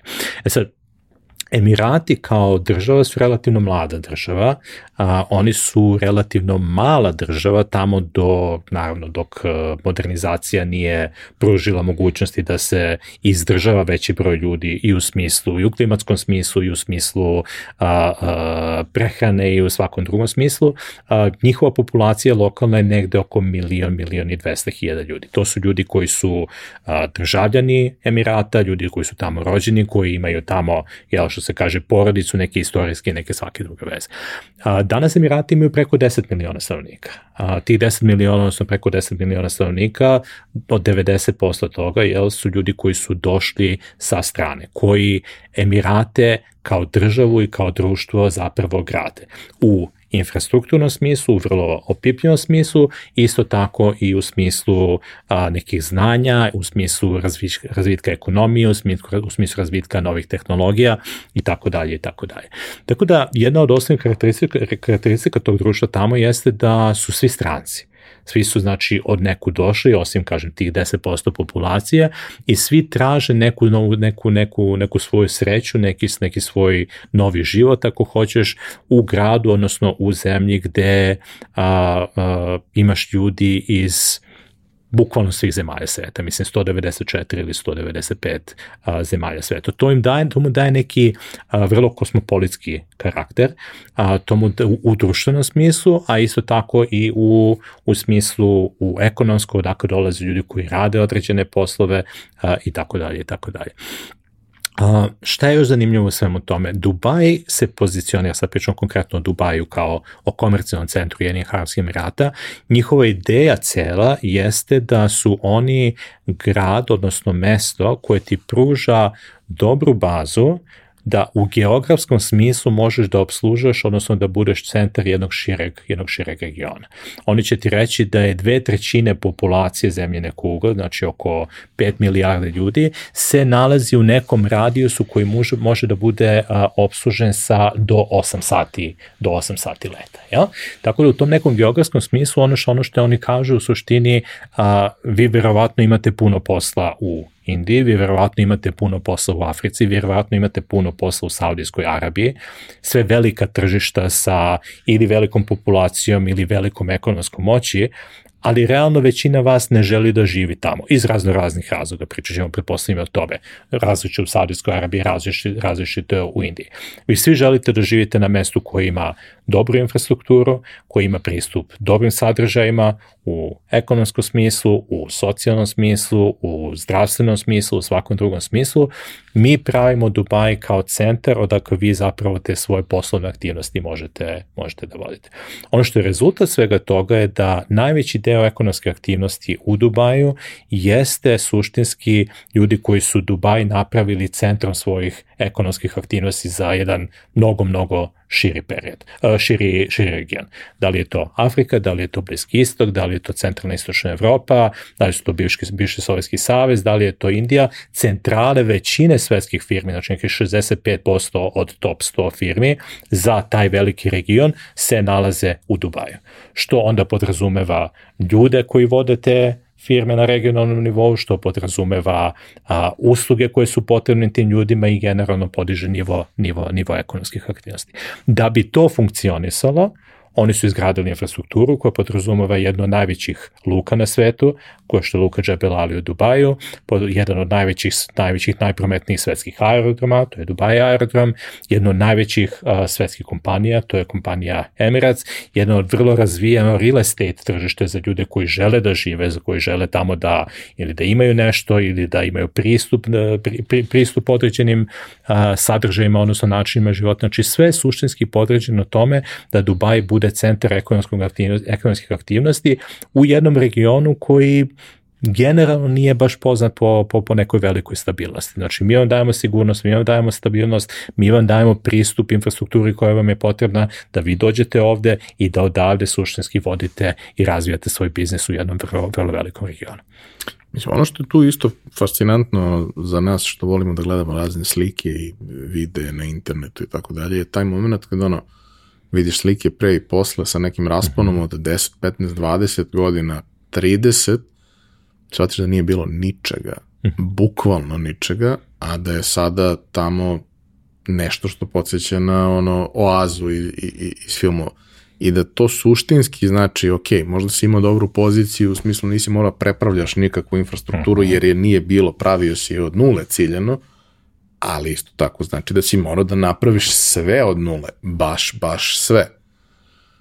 I da ga dimenzionišeš tako da ispunjava tvoje dugoročne ciljeve, jer naravno da kratkoročni ciljevi nisu u tom trenutku bili toliko interesantni. Uh, koliko se Dubai promenio za 15 godina, koliko si ti tamo? Mislim, i u tom periodu, ok, kriza, kriza je sigurno predstavljala uh mhm. -huh. neku vrstu yes. udara i pada, ali nakon toga je ponovo bio, bio neki ozbiljan rast i kao kako je to, kako se to menjalo kroz vreme. Tako je, tako je. Vidi, uh, ja bih rekao da po mom nekom mišljenju više od 50% Dubaja koji sam ja zatekao, uh, odnosno više od 50% Dubaja koji danas postoji, nije bilo tu kad sam ja došao. Ako pričam čak i o nekim ono vrlo što se kaže opipljivim i uočljivim objektima, Burj Khalifa kao najviša zgrada na svetu je tada bila u izgradnji. Dubai metro tada nije postojao. A, najveći aerodrom koji, koji, koji, koji su nedavno otvorili je tada bio samo skica, samo skica na papiru. A, ostrvo, ostrvo Set, odnosno World Islands ili Palm Jumeirah, sve to, to su sve bile stvari koje su bile u nekoj vrsti začetka, ako hoćeš, gde su sad to mesta gde, gde, gde žive desetine, desetine i stotine hiljada ljudi. Znači, u tom nekom vrlo opipljivom smislu a, se, se Dubaj jako promenio. A, vrlo je zanimljivo ovaj, uh, kad poredim sa San Francisco u kome sam živao, u kome, u kome sam se vra, u koji sam posle posuđivao više puta, a jedno sam ga posetio posle recimo 4 ili 5 godina, kraj u kome sam ranije živeo, čini mi se da se tu eventualno promenila kasirka na kasi u supermarketu u kome sam znao da kupujem. Inače, inače van toga je apsolutno sve, apsolutno svaki kamen, svaki korak, svako drvo, a, je bilo apsolutno isto kao što je bilo kada sam, kada sam ja tu živeo. A, Dubaj je potpuno suprotno svega toga. Ja imam utisak da kada odem u Dubaj, kad se vratim u Dubaj posle recimo nekog odsustva, da li je to nekoliko nedelja ili mesec dana, da, da ima opet novih stvari koje nisu bile tu kada sam ja. Znači, tempo toga u kojoj meri se on menja, pre svega u fizičkom smislu, je zaista, zaista fascinantan. A, van fizičkog smisla, Dubaj kao i Emirati, kao čitav taj, taj region se menjaju u svakom drugom smislu, i u socijalnom smislu, i u ekonomskom smislu. Ja tada kada sam došao, a, najveći deo ekonomije jeste bio ta jedna dosta tradicionalna ekonomija. Da li su pitanju, da li je pitanju bio veći ljudi, broj, broj ljudi koji rade za državu ili državne službe ili državne firme, državne kompanije ili velike multinacionalne kompanije, to je bilo 99%, 99% ekonomije. Sada je to jedan ekosistem u kome ti imaš veliki broj startupa u kome velika količina para ulazi u finansiranje tih startupa, nekoliko unicorna je napravljeno tamo koji su, koji, koji su ili izašli na berzu ili su se, ili su se prodali, tako da i u tom smislu se Dubaj jako puno promenio i pomerio, a, ja bih rekao na bolje a, u poslednjih 15 godina koliko sam ja tamo. A kako izgleda uh, život, ali ne samo, da kažemo, svakodnevni život i sve što on podrazumeva, nego prosto uh, učešće uh, nekog ko je stranac koji je došao da obavi neki posao, uh mhm. -huh. prosto ono, uh, iz razgovora sa tobom i sa još nekim ljudima uh, s kojima sam pričao o tom regionu, uglavnom je neka percepcija, uh, iako je kod svih ista, onda verovatno je ispravna, ja. Da. Da je to mesto na kome ćeš jako dobro, ukoliko sve prođe kako treba, imati jako dobre finansijske efekte svog rada, ali nije mesto gde sebe dugoročno vidiš da živiš, da praviš porodicu, da ostaješ na kraju dana i ti si se relocirao da si gro vremena ovde, da povremeno ideš tamo u prethodnih godinu dana, ali prosto kako to izgleda kada došao si u Disneyland i u ludilo, ludilo je, ludilo je eksplodiralo pa se smirilo i ti sad lagano počinješ da razumeš sve, shvataš kako šta funkcioniše i šta su neke neki zaključci koji si izveo uh -huh. za, mhm. za ovo vreme. Uh -huh. Na koji način neko ko je u sličnoj poziciji kao ti, dakle dolazi kao gotov, vrlo kvalitetan čovek koji može tamo da, da vidi neku svoju karijeru, o čemu treba da razmišlja, a šta prosto treba da, da ima negde u malom mozgu kao neku vrstu upozorenja, ograničenja uh -huh. koje treba da ima u vidu. Uh -huh. uh, ja bih se nadvezao sam na, na, na jednu stvar koju si rekao, to je da uh, ja, odnosno mi to ne percipiramo kao mesto na kome se, na kome se ostaje, jel? A, Mislim da je to isto dvosmerna ulica. Oni su do nedavno, možemo pričamo o, o tim stvarima koji su počeli polako da se menjaju, ali njihova politika jeste bila da svih nas 9 plus miliona koji nismo lokalci smo došli, dobro smo došli da pomognemo da razvijemo to društvo, da razvijemo tu infrastrukturu, da razvijemo tu ekonomiju, ali se isto tako podrazumeva da smo i mi tamo privremeni. A, mi tamo za razliku od imigracijne zemalja koje o, prihvataju migraciju, ti tamo ne možeš da dobiješ pasoš u jednih Arabskih Emirata. Jel? A, ti tamo moraš da imaš neku vrstu radne vize, znači dok god ti možeš na neki način da doprineseš tom društvu, to je sve super i apsolutno si dobrodošao i sve to može vrlo lako na jedan vrlo elegantan način da se završi, ali u trenutku u kome ti više nisi u mogućnosti to da uradiš, da li si se, da li si uh, prestareo, da li si uh, više ne možeš da radiš ili ne želiš da radiš, da li si se razboleo ili se nešto četvrto desilo, ti tamo više jednostavno nisi dobrodošao jer ti ne možeš ništa tom društvu više da, uh, više da daš. Znači, pasoš ne možeš da dobiješ. Penziju tamo ne možeš da dobiješ. Pomoć države za nezaposlene ti tamo ne možeš da dobiješ. Pričamo o principima, te su stvari koje su malo počeli su malo da, a, malo da rade na tome. Tako da a, celokupno društvo jeste ustrojeno na tome da a, postoji to neko razumevanje ako hoćeš, da mi ćemo ti dati najbolje moguće uslove da se ti iskažeš profesionalno, da budeš adekvatno plaćen za svoj rad, ali podrazumeva se da ti ovde nećeš ostati i da nećeš ako hoćeš a, postati lokalni član tog nekoga društva nikada neće nikada biti prihvaćen kao prihvaćen kao kao kao lokalac jel? A, tako da ti imaš recimo sad tamo a, zanimljive priče gde ljudi koji su proveli po 30 ili 40 godina tamo kojima su se deca rodila tamo koji su napunili 18 godina koji nikada nisu živela nigde drugde oni kad napune 18 godina i više nisu, više ne mogu da budu na, na vizi svojih roditelja, oni moraju da traže neki posao ili da idu kao da nikada u, Duba, u Dubaju na svojim Emiratima nisu bili. Jednostavno ne smatraju se članovima tog društva koliko god oni nikakvo drugo društvo, društvo ne imali. Tako da ta neka vrsta permanentnosti u smislu svi mi razmišljamo o nekoj, jel, o tome gde želimo da budemo i o nekoj breži sigurnosti šta će biti za 10, 15, 20 godina. Emirati i generalno taj, te zemlje zaliva nisu tako mesto za veliki broj ljudi, jednostavno zato što konceptualno nisu tako zamišljeni. Nije zamišljeno da ti kao u Americi kad dođeš, ok, dobio si radnu vizu, zelenu kartu, pasoš, ti si sad Amerikanac i to je, a, i tvoje deca su Amerikanci jednako kao i svi oni koji, koji mogu da, da, da, da broje svoje predake, ono što se kaže sedam kolena, sedam kolena unazad. U Emiratima, odnosno zemljama zaliva, to nije tako. Postoji dobri razlozi zašto je to tako, ali nije tako i onda svi mi koji smo došli od nekud imamo taj neki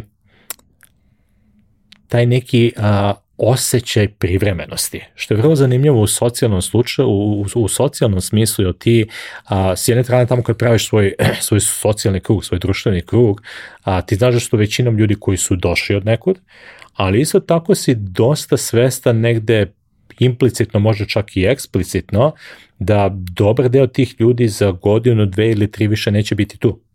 Eto jedno prolazno mesto, prolazna stanica, da će ti ljudi ići ili ići negde dalje u neku drugu ekspat zemlju ili će se vratiti u zemlju, u zemlju u kojoj su došli. Tako je to vrlo zanimljivo na način kako ljudi stvaraju svoje socijalne kruge koji se vrlo lako stvaraju, jer niko od nas nema svoje drugove iz osnovne škole, srednje škole, fakulteta, jer, jer nismo tamo bili, ja? a s druge strane se isto tako i drže na relativno površnom nivou zato što nikad nisi siguran u kojoj meri treba da ulažeš u te svoje a, u, u ta svoja neka prijateljstva ako hoćeš jer ta osoba s kojom ti danas piješ pivo i s kojom si kao neki prijatelj će sutra otići u Hong Kong bez neke velike najave ili će se vratiti u London. A kaži mi, šta je ono što bi, ako o ovome pričamo kao nekim, ne lošim stvarima, ali o nečemu što treba imati u vidu na, na, na neki način, šta je ono gde su najveći potencijali, šta je ono gde, gde postoji najveća mogućnost da nešto uradiš, odnosno sa kakvim mindsetom treba da dođeš tamo. Da, da. A, ono što je jedna od najvećih prednosti a, mesta kao što su Emirati pre svega ili zemlje zaliva je da su to jedna jako mlada društva U svakom smislu, u smislu a, društvene stratifikacije, u smislu a, nivoa sofisticiranosti, u smislu a, mogućnosti koje se pružaju, ima mnogo toga fali i mnogo toga treba da se izgradi. Sad za nekoga, ono što smo pričali, to je bilo jednim delom moja priča, ja kad sam otišao iz Amerike, kad sam došao iz Amerike u Emirate, ja sam shvatio da je u profesionalnom smislu meni to mnogo bolja opcija zato što jednostavno mogu da dobijem veće projekte ili veće prilike mnogo ranije, jer pod jedan mnogo toga ne postoji, treba da se izgradi od, ja što se kaže, od, od, od, od samog temelja, a s druge strane ne postoji a, društvena a, ne postoje tu ljudi koji su već 20, 30, 50 godina rade te iste stvari do kojih ti ne možeš da dođeš na red do velikih projekata ili do velikih prilika. Tako da, s jedne strane ja percipiram to tržište, odnosno ta tržište kao mesta, kao mesta koja ljudima koji dođu sa strane verovatno daju mnogo veće prilike nego da ti sad odeš recimo u Austriju ili u Evropu ili čak i u Ameriku, Kanadu i Australiju, gde jednostavno postoje neki sistemi u koje ti moraš da se uklapaš, ali počinješ sa nekog dna piramide, a ne, a, a, a ne bliže sredini ili bliže, ili bliže vrhu. Tako da, kažem ti, opisao sam Dubaj 2008. kao neku vrstu zlatne groznice, groznice 1849. A, stvari se jesu promenile, ali mislim da je za ljude koji su mladi, ambiciozni, imaju neka znanja, hoće da rade, hoće da grabe, možda jedno od najboljih mesta na planeti gde mogu da, da, da, da, da, da dođu do izražaja i da dobiju priliku. E, pominjali smo da si ti u Dubaji došao kao e, deo firme u kojoj si se zaposlio nakon fakulteta. Ove, ovaj, dakle, bio si konsultant, e sad, to je samo početak tvoje priče tamo. Yes. Ti si svašta nešto tamo radio i, da kažem, osamostalio se pre nekog vremena, izašao iz svih tih nekih velikih sistema i, i svega toga, ali daj mi neki presek kako je izgledala tvoja karijera i zašto si pravio uh mhm. -huh. zaokrete koje si pravio? Uh mhm. -huh. Znači, u najkraćem, uh, ja sam uh, iz uh, firme u kojoj sam radio, Booz Allen Hamilton se zvala firma, to je management consulting firma, sa njima sam prešao iz San Francisco za Dubai do 2008. i tamo sam bio do 2013. godine. 2013. sam prešao u Google, i tamo sam bio nekih naravnih 6-7 godina. Radio sam razne stvari koje su uglavnom u komercijalnom smislu, sad ono što pretpostavljam da neki ljudi znaju, većina verovatno ne, Google je dosta jasno podeljen u tom smislu pravljenja proizvoda u nekom inženjersko-programerskom smislu. Te stvari se uglavnom dešavaju u nekim centralnim lokacijama, da li je to Amerika, da li je to Cirih, da li je to Indija, da li je to Izrael, ali u najvećem broju lokacija gde je Google prisutan, a, to nisu inženjerske pozicije, to su zapravo komercijalne pozicije. Jel? Da li u pitanju prodaje ili u pitanju marketing ili u pitanju neki polis ili nešto slično tome, ali znači vrlo, vrlo a, a, komercijalno orijentisano. To sam radio, kažem, nekih 6 do 7 godina u nekim vrlo različitim ulogama, neke su bile a, specifične za određene industrije, proveo sam neko vreme u travel industriji, u finansijskom sektoru, u javnom sektoru, radeći sa klijentima jel, a, iz tih sektora. A, onda sam jedno vreme proveo uh, u Saudijskoj Arabiji, koji je jedno veliko tržište o kome ćemo pretpostavljam isto, a, kome ćemo se pretpostavljam isto malo a, dotaći u, smislu nekih njihovih specifičnosti. Vodio sam Google na tom, na tom tržištu, sretao sam se sa vrlo visoko rangiranim ljudima iz države i lokalnih, i lokalnih firmi. A, 2019. sam otišao iz Google-a u jedan investicioni fond, a, moja ideja u tom trenutku jeste bila, dotakli smo se malo toga da se ekonomija a, a, dosta brzo šalta iz neke vrlo tradicionalne ekonomije u, u ekonomiju znanja i da dosta se ulaže i u a, finansijskom smislu i u smislu, ako hoćeš, i tog nekog a, a, javnog diskursa u pomeranje prema tehnologijama, prema, prema startupima i slično tome. A, sam da je to moja dobra, dobra, dobra šansa da uđem što se kaže na, u prizemlju u lift koji, koji dosta brzo ide, ide na gore a, i od pre godinu dana a, u tom istom sam sektoru s tim što, s tim što uh, imam svoju firmu koja se bavi uh, investiranjem i savetovanjem što investicionih fondova, što startupa uh, u, uh, oko, oko stvari koje su njima značajne za, za razvoj i skaliranje. E sad, ovaj, uvek je nekako najjednostavnije da, da ljudi stave sebi stvari u, u, u neku perspektivu, da pričamo kroz uh, konkretne projekte i iskustva koje si stekao na njima. Posebno što u tvom slučaju je to vrlo uh, živopisno, neobično, neverovatno veliko, nešto što prosto, znaš, koliko god možda bio uspešan, nema mnogo mesta i nema mnogo situacija da neko proba da radi na nečemu takvom, a naročito da radi više takvih različitih stvari u nekoj jedinici vremena. Uzmeš, dobiješ projekat koji je ogroman, radiš taj jedan i to je sve što imaš da kažeš ono, u CV-u, imaš svašta, ali to je jedna stvar i ja. u principu si ti svoju karijeru kroz tu jednu stvar zaokružio. Ovde mi se čini da je malo drugačija iz razgovora i svega što, što znam o, o tome šta si radio.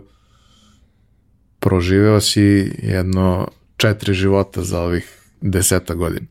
A, šta ti je bilo, da kažem, prva velika stvar ovaj, na kojoj si radio i, i koja ti je to ono, vrsta uh, iskustva i iz ugla očekivanog i iz ugla neočekivanog koje su ti takvi, takvi projekti da. donali?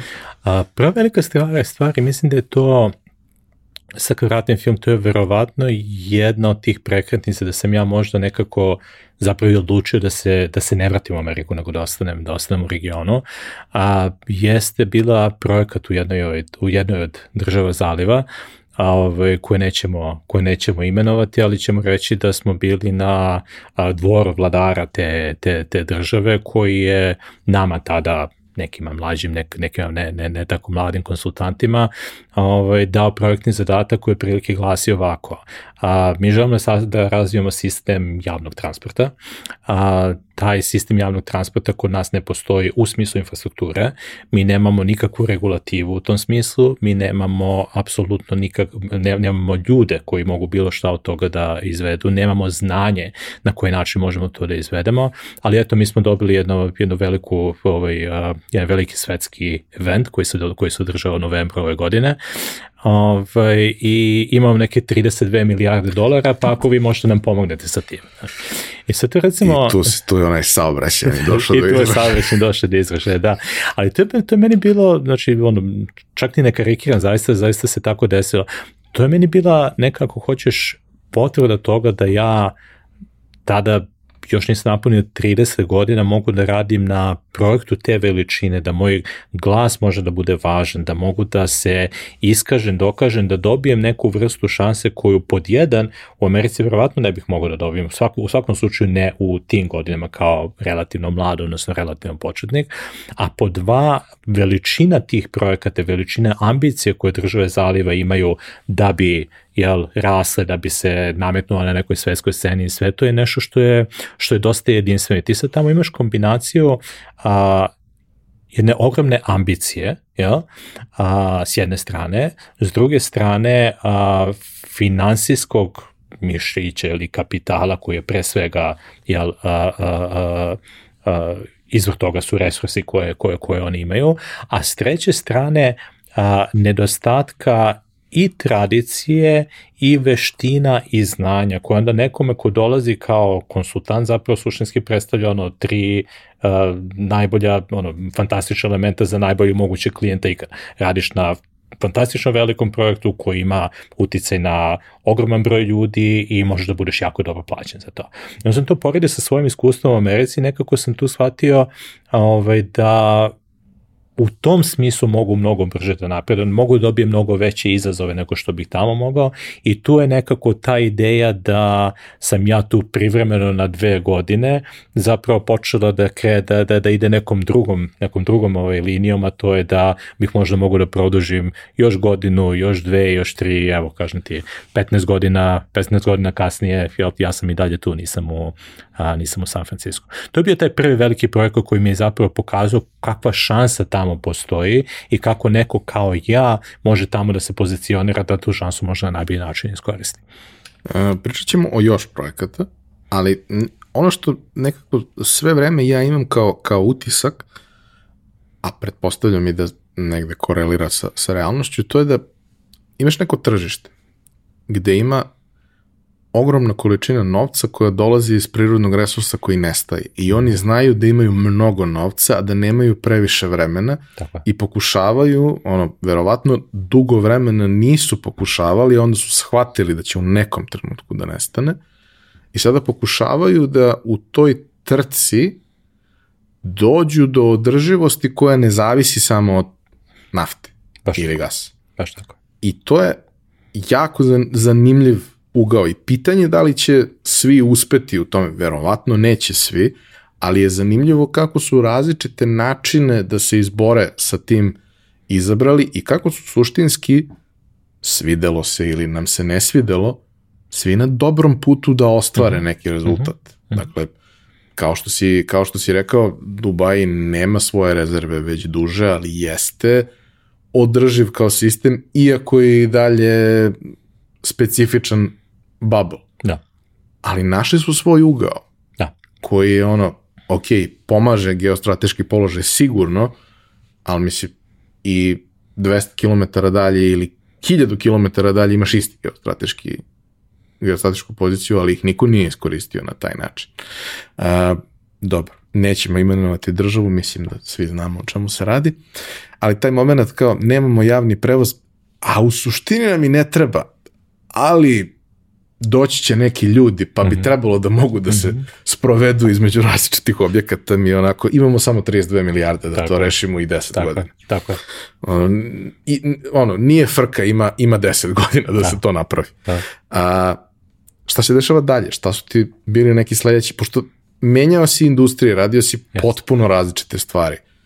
I zapravo ta raznovrstnost je nešto što je možda i najzanimljivije. Da, da. Pa pomenuo sam ono, malo na samom početku razgovora tu neku vrstu uh, generalističkog pristupa stvaranja, mislim da je to neka tema koja se proteži nešto što mene zapravo, zapravo ispunjava, ako hoćeš, na, na neki način. Uh, različite vrste projekata sam radio dok sam još bio u management consulting, oni su uglavnom se kretali u tom nekom domenu veliki, velikih infrastrukturnih projekata, uh, radili smo privatizacije luka, radili smo, radili smo čak i kandidature za olimpijske igre za jedan od za jednu od gradova, odnosno jednu od, jednu od država zaliva, znači taj neki feasibility study, da li je to nešto što bi oni trebali da, da urade, šta bi bili efekti toga, koje bi bile investicije, da li su krajem linije isplatili, isplatili na isplati. To su bili neki vrlo, vrlo zanimljivi projekti.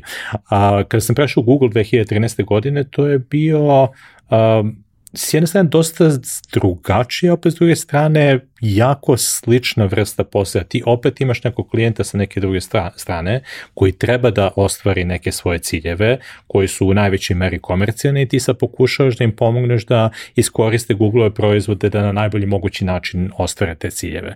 Iz tog perioda možda najzanimljiviji projekat i ono što se kaže najzanimljivija priča kao iz uh, Hiljadu jedne noći uh, jeste rad uh, u Saudijskoj Arabiji na, na, na, na, strategiji, na strategiji turizma, otvaranja i turizma. Uh, sad ne znam koliko je koliko je poznato, pretpostavljam da je malo ljudi odavde išlo u Saudijsku Arabiju. Jedan od razloga za to jeste što do 2018. godine, 17. 17. godine, kad su oni počeli da se otvaraju, ti u Saudijsku Arabiju kao turista nisi mogao da odeš. Jednostavno nije postojala kategorija viza, da, a svima su potrebne vize, da ti možeš da uđeš i da, zato što hoćeš da ideš da vidiš kako ta zemlja izgleda. Ti si mogu da ideš tamo a, da radiš posao, znači da imaš neku vrstu biznis posetilačke vize, ti si mogao da ideš tamo a, ako si islamske veroispovesti u hađu, odnosno umru, jeli, da, da, da, da posetiš te njihove velike, a, velike spomenike, odnosno velike, e, velika sveta mesta u Meki i Medini, ali kao običan turista koji žele da iskuse nešto potpuno novo, ti jednostavno tamo nisi, nisi mogao da uđeš. A, oni su 2018. godine rešili da se otvore prema svetu, pravili su turističku strategiju po kojoj mogu da postanu veća turistička sila i od jedne Francuske, a, kad pričamo o ambicijama i, i, i o željama, I to je bio recimo jedan projekat koji sam dok sam bio u Google radio sa najviše rangiranim a, zvaničnicima država uključujući i princa prestolnasnika koga sam takođe sreo. Ovo to je bila jedna, jedna vrlo, vrlo zanimljiva priča. A, mislim da se mislim da se prvo sreo sa mnom pa sa Donaldom Trumpom ili je bilo obrnuto, ali tu smo, tu smo, tu smo negde bili. A, ono što recimo u tom konkretnom slučaju treba uzeti u obzir je da s jedne strane imaš a, Emirate koji imaju milion onog domicilnog stanovništva, da. onih koji su nosioci e, pasoša i državljanstva i svega toga, koja je relativno geografski mala država, uh mhm. -huh. a sa druge strane imaš Saudijsku Arabiju koja je ogromna i što se tiče teritorije, a ima i 30 miliona stanovnika što ok, nije sad preterano veliko, posebno uzevši u obzir teritoriju, mhm. ali mhm. dobar deo teritorije je pustinja, pa tamo baš i nema nešto ljudi, ali ima potpuno drugačiji, mnogo zatvoreniji ekosistem, mnogo zatvoreniju kulturu i takva kultura nije baš idealan fit sa tim ciljevima koje imaju. Uh mhm. -huh. Slična kultura je verovatno bila i u Emiratima, možda ne toliko zatvorena pre 50 godina kada je cela priča počela, ali oni su se 50 godina otvarali Tako. i naravno da je sad to mnogo drugačije. Saudijska Arabija ima mnogo veći broj ljudi, dakle, ne mogu baš svi da rade u državnom mm -hmm. sektoru mm -hmm. i da ih ovaj, deset puta više stranaca izdržava, Tako. nego mora da se napravi nekakav ekosistem koji će biti zaista održivo. Sa druge strane, mora da isprati i taj neki, odnosno da ne pravi previše konflikata sa tim nekim tradicionalnim verskim delom koji je tamo veoma značajan jak, i, i jak. E sad, a, kako to sve izgleda, odnosno ono što možeš da podeliš iz, iz tog uh mhm. -huh. projekta, kako je to bilo zamišljeno. Korona je to malo sve Jest. reorganizovala, usporila i tako dalje, ali manje više ciljevi su ostali isti, planovi su tu negde. Da, da. Uh, ono što je zanimljivo, što je značajno što se, što se desilo tamo, ali da, da, da pokušamo prvo da, da, da opišemo kontekst. Ja inače u Saudijsku Arabiju odlazim od 2008. godine. Uh, od 2008. do 2017. tamo se nije promenilo apsolutno ništa. Od 2017. do 2022. oni su za pet godina prešli, ajde da kažem, pet decenija, da ne kažem, da, da, da ne kažem pet vekova, i u smislu načina razmišljenja, i u smislu u kom pracu žele da ide, i u smislu socijalnog razvoja, pričat ćemo, pričat ćemo o nekim, o nekim detaljima u tom smislu. Ali ovaj, ključna promjena tamo se desila suštinski 2017. kada je na vlast, na realnu vlast kao princ naslednik došao a, Mohamed bin Salman koji je a, koji je suštinski prvi predstavnik nove generacije. A, njihova vladarska porodica tamo koji se počinju od, od, od kralja koji je, koji je zapravo, zapravo i osnovao Saudijsku Arabiju, a, svi kraljevi i svi vladari posle njega su bili njegovi sinovi. I sad može zamišljati, on imao ne znam koliko, sedam ili osam sinova ili sedam ili osam kraljeva je bilo posle njega i oni su svi dolazili na vlast tamo negde u svojim 60. 70. 80. godinama. I ti si imao tu vladajuću, vladajuću garnituru koja je bila u svojim nekim poznim godinama, koji su vukli sve konce u jednoj dosta, dosta autokratskoj državi, a koje s druge strane ima dve trećine svoje populacije koja je mlađa od 25 godina. Tako da ti ima taj neki generacijski, ako hoćeš, diskonekt gde su, što se kaže, stariji, tradicionalni, religiozni, sve više i više ono bili a, a, manje u, u kontaktu, ako hoćeš, sa, sa realnošću, sa realnošću na terenu. Ti ono dobiješ u, u toj nekoj smeni garde, ako hoćeš, koja se odigrala tako kako se odigrala, ti odjednom dobijaš od uh, kralja, odnosno prethodnog prisa naslednika koji ima neki 70 i nešto, ti dobijaš čovjeka koji ima 32 godine, koji je mnogo više u skladu sa novim vremenima, koji je mnogo više u skladu sa generacijom koja čini suštinski najveći broj populacije i koji isto tako nasleđuje a, situaciju gde percipira da je ono što smo malo prepričali, a to je da glavni resurs države, njima i dalje više od 50% bruto nacionalnog proizvoda jeste vezano za naftu, preradu nafte, energiju i slično tome, da taj glavni resurs e, države postaje sve manje i manje značajan na globalnom nivou iz mnogih razloga i da on ako hoćeš kao neko ko ima 32 godine ne može samo da ono što se kaže kick the proverbial can down the road jel? jer on će biti tu za 20, 30, 40 godina za razliku od njegovih prethodnika koji možda i ne moraju nužno da razmišljaju o tome šta će biti za 20, 30, 40 jer to je vreme koje oni neće doživeti 2017. godine kada on dolazi na vlast, on suštinski zemlju gura u jednom potpuno, potpuno novom pravcu, pravi jako veliki broj lomova, možeš pretpostaviti da to u zemlji koja je bila na neki način uh, zarobljena, zamrznuta u vremenu, nije bilo baš tako lako. Oni su navikli na određeni način života, navikli su između ostalog da je ženi mesto u kući, da žene ne mogu da idu na posao, da žene ne mogu da voze, da žene ne mogu da rade. Side note, kad sam bio 2008. ili 9. godine u, uh, u Rio, radili smo projekat sa, uh, sa jednom državnom institucijom, u zgradi u kojoj smo radili, koja je jedna velika državna zgrada u kojoj je sedalo 4 do 5 hiljada ljudi, nije bilo ženskog WC-a. Nije bilo potrebe za tim. Jednim jedan ženski konsultanta koji su bili sa nama, mi smo dobili ovaj ključ od privatne, privatne kancelarije predsednika te državne institucije da bi naša koleginica mogla da, mogla da ide u toalet. Jer jednostavno nije bilo potrebe jer su svih tih 4 ili 5 hiljada ljudi su bili, su bili muškarci. Znači u socijalnom smislu te stvari počinju da se menjaju, ženama posle dozvoljeno da voze, a žene se a, ne samo što se puštaju da počinju da rade i u državnim institucijama i u privatnom sektoru, nego se promovišu da rade, znači, pu, e, znači e, e, uspostavljaju se raznorazni programi da, da, da, da, da bi ta radna snaga postala mnogo reprezentativnija u smislu a, a, u smislu populacije. Čak smo došli do toga da su počeli da se organizuju veliki a, koncerti, veliki muzički eventi gde dole 100-200 hiljada ljudi, gde se pije alkohol, gde se između ostalog uživa droga, na neke stvari koje su bile potpuno, potpuno nezamislive samo pre 3 ili 4 godine. Tako da, put koji su oni prešli, te kažem 2017. godine kada je Mohamed bin Salman došao na vlast, a do danas, u posljednjih pet godina i pravac u kome se kreću, po mom mišljenju iz nekog mog iskustva je socijalna društvena promena koja se nikada ranije u istoriji nije, nije desila, makar u, makar u, vremenu koje, koje, koje mi pamtimo. Tako da je vrlo fascinantno to posmatrati i možda na neki čak i mali deo, jako mali deo a, biti, biti možda čak i deo toga.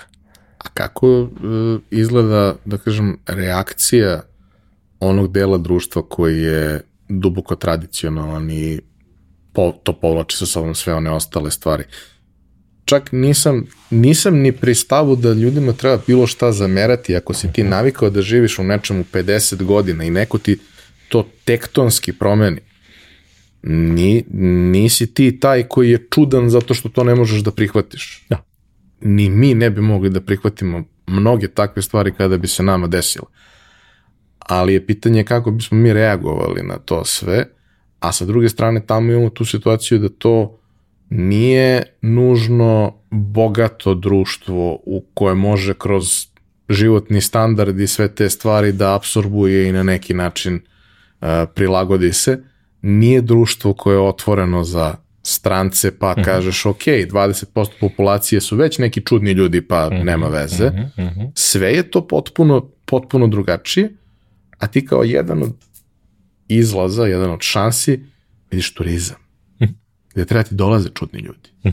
A ti nisi baš naviko, a nemaš ni infrastrukturu, a nis, možda si na dobrom mestu, možda imaš dobre resurse prirodne za tako nešto, sigurno imaš. Uh mhm. -huh. Mislim, kada je zemlja tolika, onda sigurno postoji prostor za nešto tako. tako. Ali je to baš long shot. Sad, biti uključen u taj proces. Jedna stvar je kada ti pričaš sa, na, na najvišem nivou i kada postoji volja i samim tim ta volja će se sprovoditi Tako je.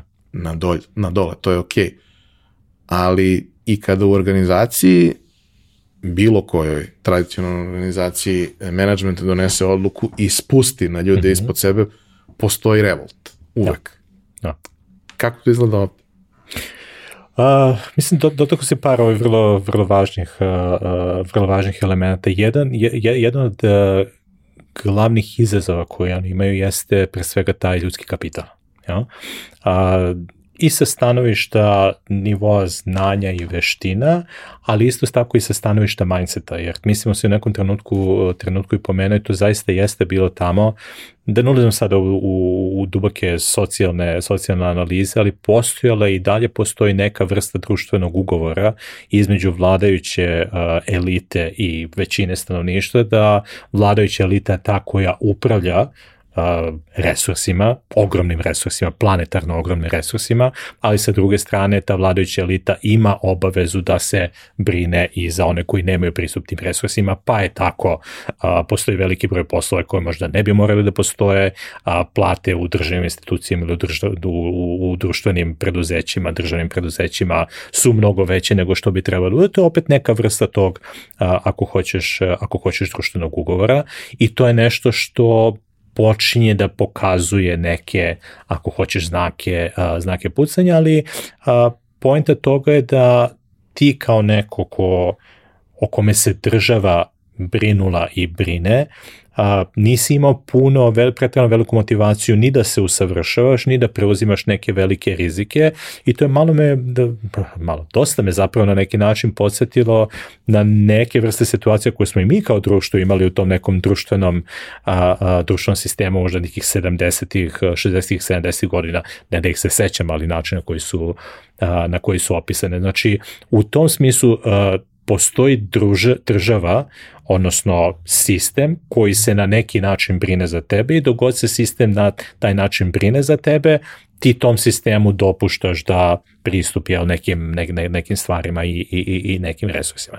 E sad, jednim dobrim delom ovo čemu si pričao, ako ti percipiraš da ti resursi postaju sve manje i manje značajni, da će ih biti sve manje i manje u nekoj ne tako dalekoj budućnosti, 10, 20, 30 godina, ti onda ako pričaš o jednom društvu, moraš da, suštinski moraš da to društvo preusmeriš, da će u nekom trenutku ta kapljica, ako hoćeš, koja je iz neke pustinje išla i dolazila sama i ti nisi morao da preuzimaš neke rizike kao pojedinac, nisi morao pretrano mnogo da radiš, nisi morao pretrano mnogo da se usavršavaš, da to jednostavno neće, ne, ne, ne, neće tako funkcionisati. Tako da oni u ovom trenutku za implementaciju svih tih velikih programa imaju manjak tog ljudskog kapitala, jer većina ljudi ili nema motivaciju, ili nema znanje, ili nema veštine na odnom nekom osnovnom nivou, što ti kažeš, masovnom nivou, da to s jedne strane ishvati, a s druge strane i implementira. Tako da a, jedan veliki društveni eksperiment i u smislu komunikacije, i u smislu stvaranja nekih veština i u smislu edukacije s jedne strane, a paralelno tome a, Saudijska Arabija je mislim, drugi ili treći najveći kupac konsultantskih usluga na svetu, između ostalog i zbog toga. Ako ne možeš da se osloniš na lokalni talent, odnosno lokalne, lokalne mogućnosti, lokalne veštine, možeš da ih kupiš, možeš da ih uvezeš, možeš da dovezeš ljude koji makar privremeno neke od tih velikih projekata mogu da, a, mogu da ostvare. Tako da je to dosta, do, dosta veliki, dosta veliki deo, deo jednačine i mislim da si ti pomenuo i mislim da je to tačno, jeste u pitanju neka, neka, neka, neka vrsta trke sa vremenom, jel? jer osposobljavanje populacije, pre svega u smislu edukacije, stvaranja veština, menjanja tog nekog mindseta ako hoćeš, da ti ne treba da očekuješ državni posao gde ćeš da radiš od 10 do 2 pa ćeš onda ideš u shopping mall i da trošiš pare koje nisi zaradio, menjanja to u neki mnogo produktivniji a, način života, to nije nešto što se radi preko noći i nije nešto što se radi preko kolena. Moraš da počneš mnogo rano i u nekim osnovnim fazama obrazovanja i da menjaš i uzore i modele da bi kroz 5, kroz 10, kroz 15 godina došao u neku dosta drugačiju situaciju koja je mnogo za tebe povoljnija u tom, u tom smislu. I to je neki proces koji je, koji, koji je trenutno u toku i jeste neka vrsta ako hoćeš trke s vremenom. Da li će se to desiti pre nego što nafta postane mnogo manje bitna i ti resursi počnu da kopne ili ne? Ok, imamo sad neki pregled, da kažemo, dva tu velika tržišta. Bilo tu raznih nekih još zanimljivih projekata koje si radio, ali ono što, bi, što bih voleo, čega bih voleo još da se, da se dotakneš je zapravo a, taj potencijal koji si video a, za ulazak u neku vrstu um, investicionih ciklusa i rada mm -hmm. sa investicionim fondovima, odnosno činjenica da kapital postoji mm -hmm. i da je vrlo otvoren za različite stvari, jer oni gledaju da ga iskoriste na neki način što pametnije i prosto e, kako ta stvar funkcioniše, jer u društvima koji imaju tradicionalno, da kažemo, opredeljenje da se bave gde se i ljudi pojedinci bave nekom vrstom investiranja i svega toga, ali naravno i institucionalno to postoji decenijama unazad, pa je samo cela situacija sa visokotehnološkim kompanijama stvari ubrzala i mm -hmm. pojednostavila. A, ovde imamo društvo koje je celo ubrzano i pojednostavljeno. I sada u takvom društvu, gde kao prosto a, prirodni tok da se nešto desi u tradicionalnom društvu je 12 meseci, ovde za 12 meseci se promeni sve. Tako. Ne možeš da sebi do, dozvoliš tu vrstu Tako. luksuza. Mnogo je sve to dinamičnije i drugačije. Sad, kako izgleda prvo, odakle ti uopšte ideja da, da uđeš u to, pominjao si da je to negde, mm -hmm. da si to vidio negde kao priliku, a, i kako je izgledalo kada si ušao, jer mm -hmm. sa jedne strane potencijal postoji, kapital postoji, ali imaš tu situaciju da m, na ono, uh, ground zero ne postoji ekosistem za tako nešto, odnosno mm -hmm. taj ekosistem je tek u nastajanju, on je nezreo.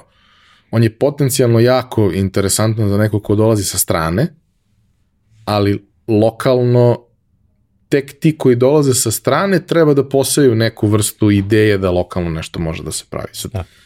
Posebno je interesantno jer kao vrlo rano mm -hmm. si ušao u tako nešto, imao pristup svemu tome i prosto kako se to sve, kako se to menjalo, kako je to drugačije u odnosu na ono i o čemu si učio, a i šta mm -hmm. si mhm. video kroz, mm -hmm. kroz rad u sistemima koji su prisutni na najrazvijenim tržištima. Da.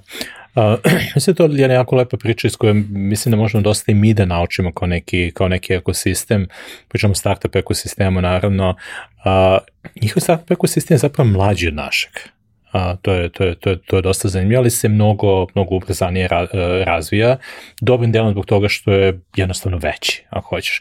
Najveći delom ljudi kad pričaju o tom nekom ekosistemu, o prilici koja im se pruža u najrazličitim industrijama, tipovima proizvoda, jeste ono, Middle East and North Africa, obično se doda Pakistan u celoj toj priči, a, iz razno raznih razloga, ti pričaš znači o nekom tržištu od oko 700-750 miliona ljudi, ja? što u svakoj varijanti, nezavisno od toga koliko, je, koliko su sva ta društva bogata, jeste jedno jako, jako veliko, veliko tržište. Naravno, tu postoje neki 18 ili 19 zemalja, nisu sve, sve od tih zemalja jednako ni razvijene, niti postoje jednako velike prilike, ali postoje zemlje kao što su pre svega Emirati, Saudijska Arabija, Egipat, koje su dosta zanimljive zato što imaju s jedne strane i pristup kapitalu, s druge strane imaju dosta dobro razvijenu industriju koja može biti jednim delom zamajac zamajac, zamajac svega toga i imaju pristup sve više i više talentu, odnosno ljudima koji, pogotovo da su pitaju zemlje zaliva, dolaze sa najrazličitih krajeva sveta da bi tu, da bi tu priliku iskoristili.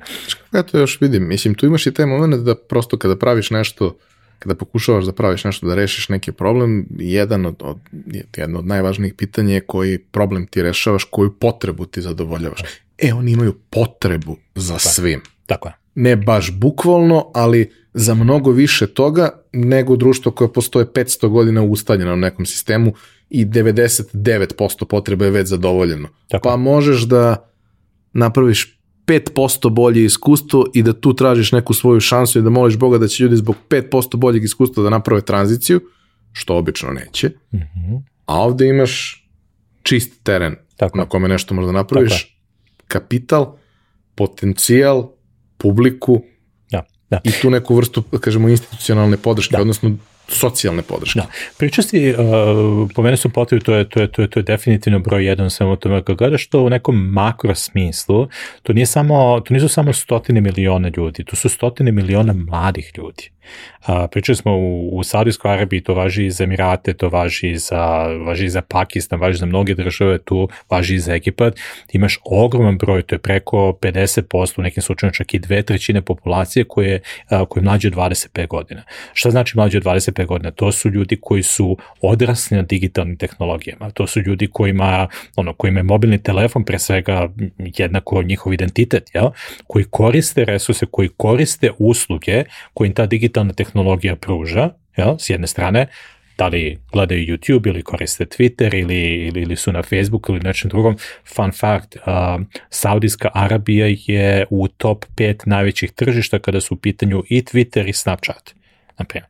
Ne zato što je e, velika kao tržište, njih je manje od 30 miliona ljudi, nego zato što u koj, u kojoj meri i na koji način se, na koji način se koristi. Znači imaš jednu vrlo mladu populaciju koje, koji su digital natives, ja, koji koriste te usluge u svakodnevnom životu, pogotovo kada je u pitanju a, a, a, digital to digital, to se isto pomenuo u nekom trenutku, ali nemaju pristup tim stvarima lokalno. Znači ja mogu da gledam YouTube klip, jel, koji je na engleskom, svi govore engleski, ok, možda mi fali malo lokalnog kontenta i to je, i to, i to je isto tako, ali ono, zašto ne mogu da, da, da, da, da, da, pozovem, da pozovem Uber da dođe me pokupi, kao što bih mogao u San Francisco ili nekom drugom mestu. Tako da imaš a, populaciju koja je spremna za nove vrste digitalnih usluga, a nemaš pretrano veliki broj, odnosno nisi imao pretrano veliki broj lokalnih provajdera, jer ako hoćeš, dobar deo ekonomije jeste i statičan i u vlasništvu države ili okoštao, ili su u pitanju državne kompanije i tako da i tako da.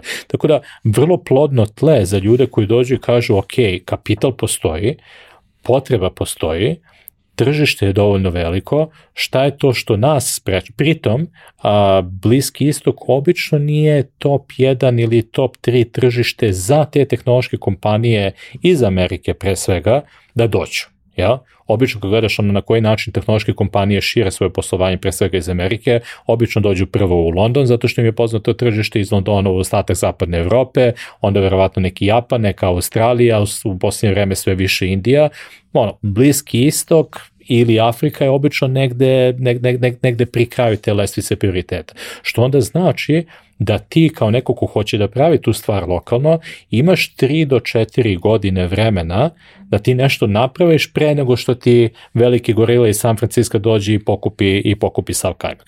Znači imaš idealne, idealne, idealne elemente svega toga u smislu potrebe tržišta, u smislu kapitala, u smislu nedostatka konkurencije, da napraviš nešto što može biti relevantno i da zadovolji potrebe velikog broja, velikog broja ljudi. I kako kažeš, nedostatka konkurencije sa jedne strane i manjih očekivanja. Uh mhm. -huh. Da to ne mora da bude state of the art proizvod. Tako znači, može da bude Tako nešto što bi u Americi bilo ok pre 10 godina, Tako jer ne postoji ništa sa čime možeš da se uporediš. Sa druge strane, Tako mnogi od tih velikih igrača, ne, ne svi naravno, ali mnogi od tih velikih igrača, kad budu dolazili na to tržište, imaju opciju da prave stvar od nule ili da kupe gotovo neko ko tu postoji. i vrlo često će se opredeliti za to da kupe i ugase konkurenciju, akviziraju korisnike šta god eliminišu, ali to je jako lepa prilika da to nešto što si napravio, što može lepo da živi, ne završi svoj život tako što ga neko uguši i ugasi, nego tako što ga kupi pa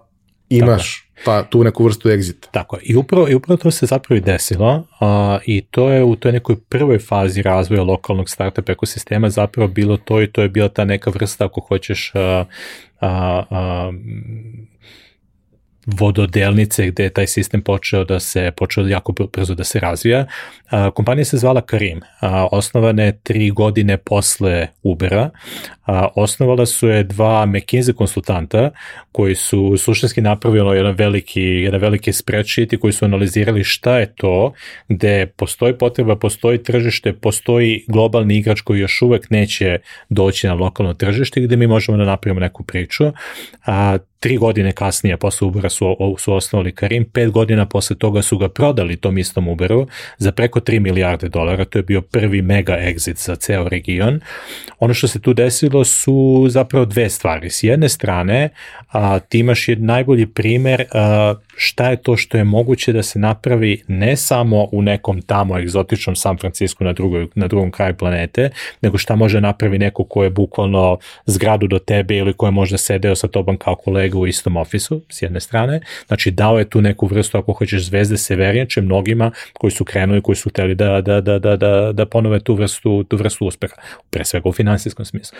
S druge strane, način na koji su to oni napravili i koncipirali, oni su imali taj sistem podele vlasništva, gde je najveći broj ljudi, u zavisnosti od toga kad su se pridružili kompaniji, imao neku vrstu a, opcija ili deonica, a kada su se prodali, oni su napravili preko 70 dolarskih milionera, koji su svi ljudi koji su u toj nekoj, da kažeš, drugoj ili trećoj instanci, s jedne strane su rešili svoje životne probleme finansijski ili su makar dosta komforni.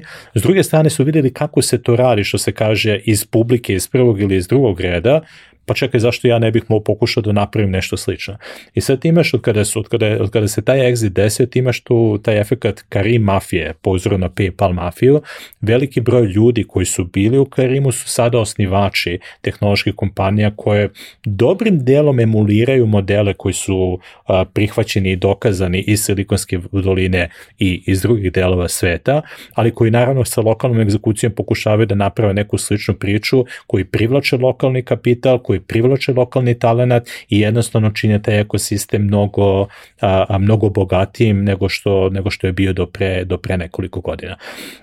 Znači, drugi primer, a, čisto opet kažem, red, poređen reda veličina, a, ja kad sam odlučio da uđem u ekosistem, kada sam percipirao neke 2019. godine, to je bilo pre korone, da ta šansa postoji, ukupna količina investicija koja je ušla u startup ekosistem na bliskom istoku je bila između 300 i 400 miliona, miliona dolara.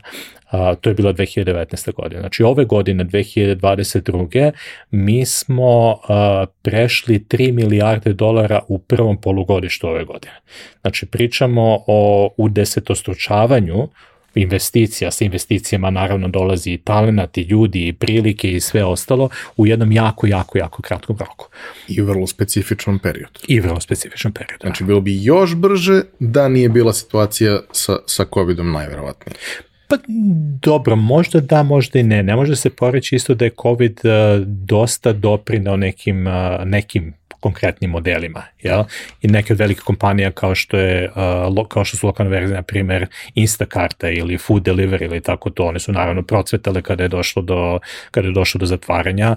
To im je dalo neku vrstu, ako hoćeš, pristupa tržištu koju bi oni možda tražili mnogo, mnogo dužem vremenskom periodu, dalo im je uh, mogućnost da, da, da, da, da rade sa mnogo većim brojem ljudi koji on, jednom kad su probali, onda se više nisu vratili na staro. Tako da, bilo tu i pozitivnih efekata sve svega toga, ali definitivno jedna dosta jako zdrava priča koja ide u jednom vrlo uh, uh, vrlo dobrom smeru i ne samo što ide u vrlo dobrom smeru, ide u do, vrlo dobrom smeru um, poprilično velikom brzinom.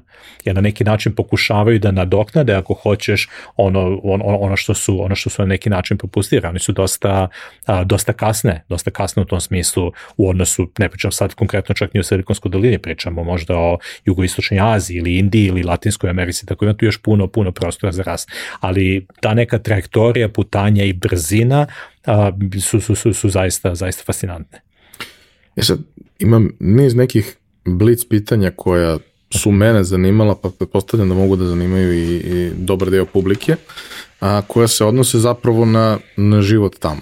A, jedna stvar je kada ti dođeš tamo sam sa idejom da iskoristiš period od narednih nekoliko mm. godina da akumuliraš neki kapital, pa onda posle da vidiš šta ćeš, da li ćeš da se vratiš ili ćeš ostati delimično, nije važno.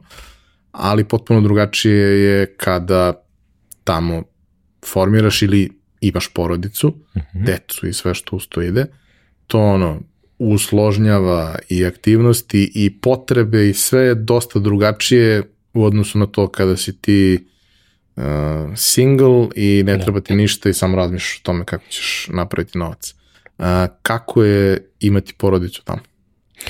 Um, vidi, pričao sam malo ranije da jedan od, uh, jedan od razloga zašto Dubai konkretno jeste to što jeste je njihov ceo taj value proposition jeste da je to jedno vrlo, vrlo dobro, vrlo convenient mesto za život, jel? Za ljude koji dolaze sa svih strava, sa svih krajeva sveta i kao i njihove porodice. Tako da uh, puno stvari tamo jako dobro funkcioniše. Ja? školski sistem koji je napravljen, to su sve privatne škole, najrazličiti kurikulumi, da li je britanski, da li je američki, da li je neki drugi, znači imaš pristup svemu tome.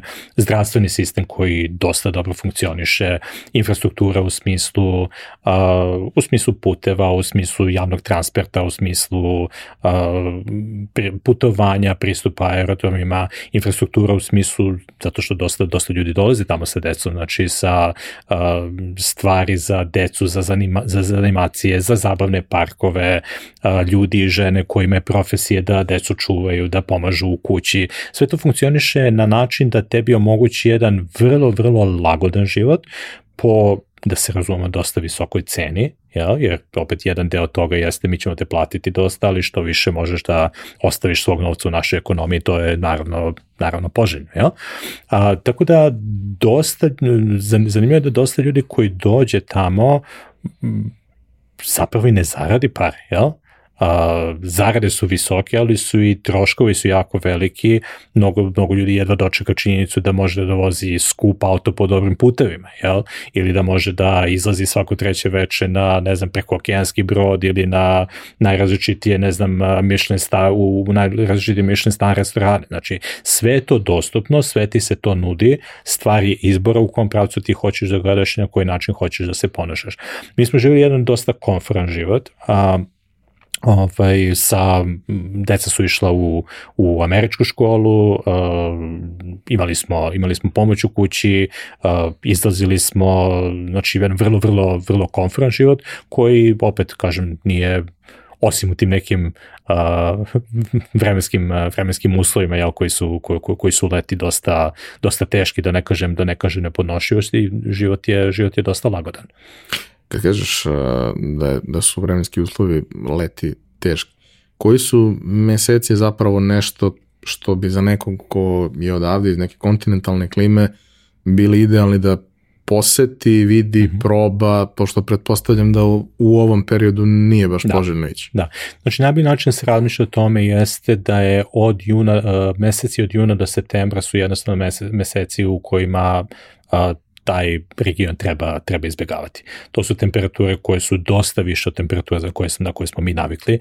Pričamo o 42, 45, pa nekada čak i više, pogotovo u e, drugom delu od ta četiri meseca, znači avgust i septembar, vlažnost vazduha isto odlazi, odlazi na gore, odnosno povećava se, tako da to postaje poprilično, poprilično nepodnošivo. Šta se tu dešava?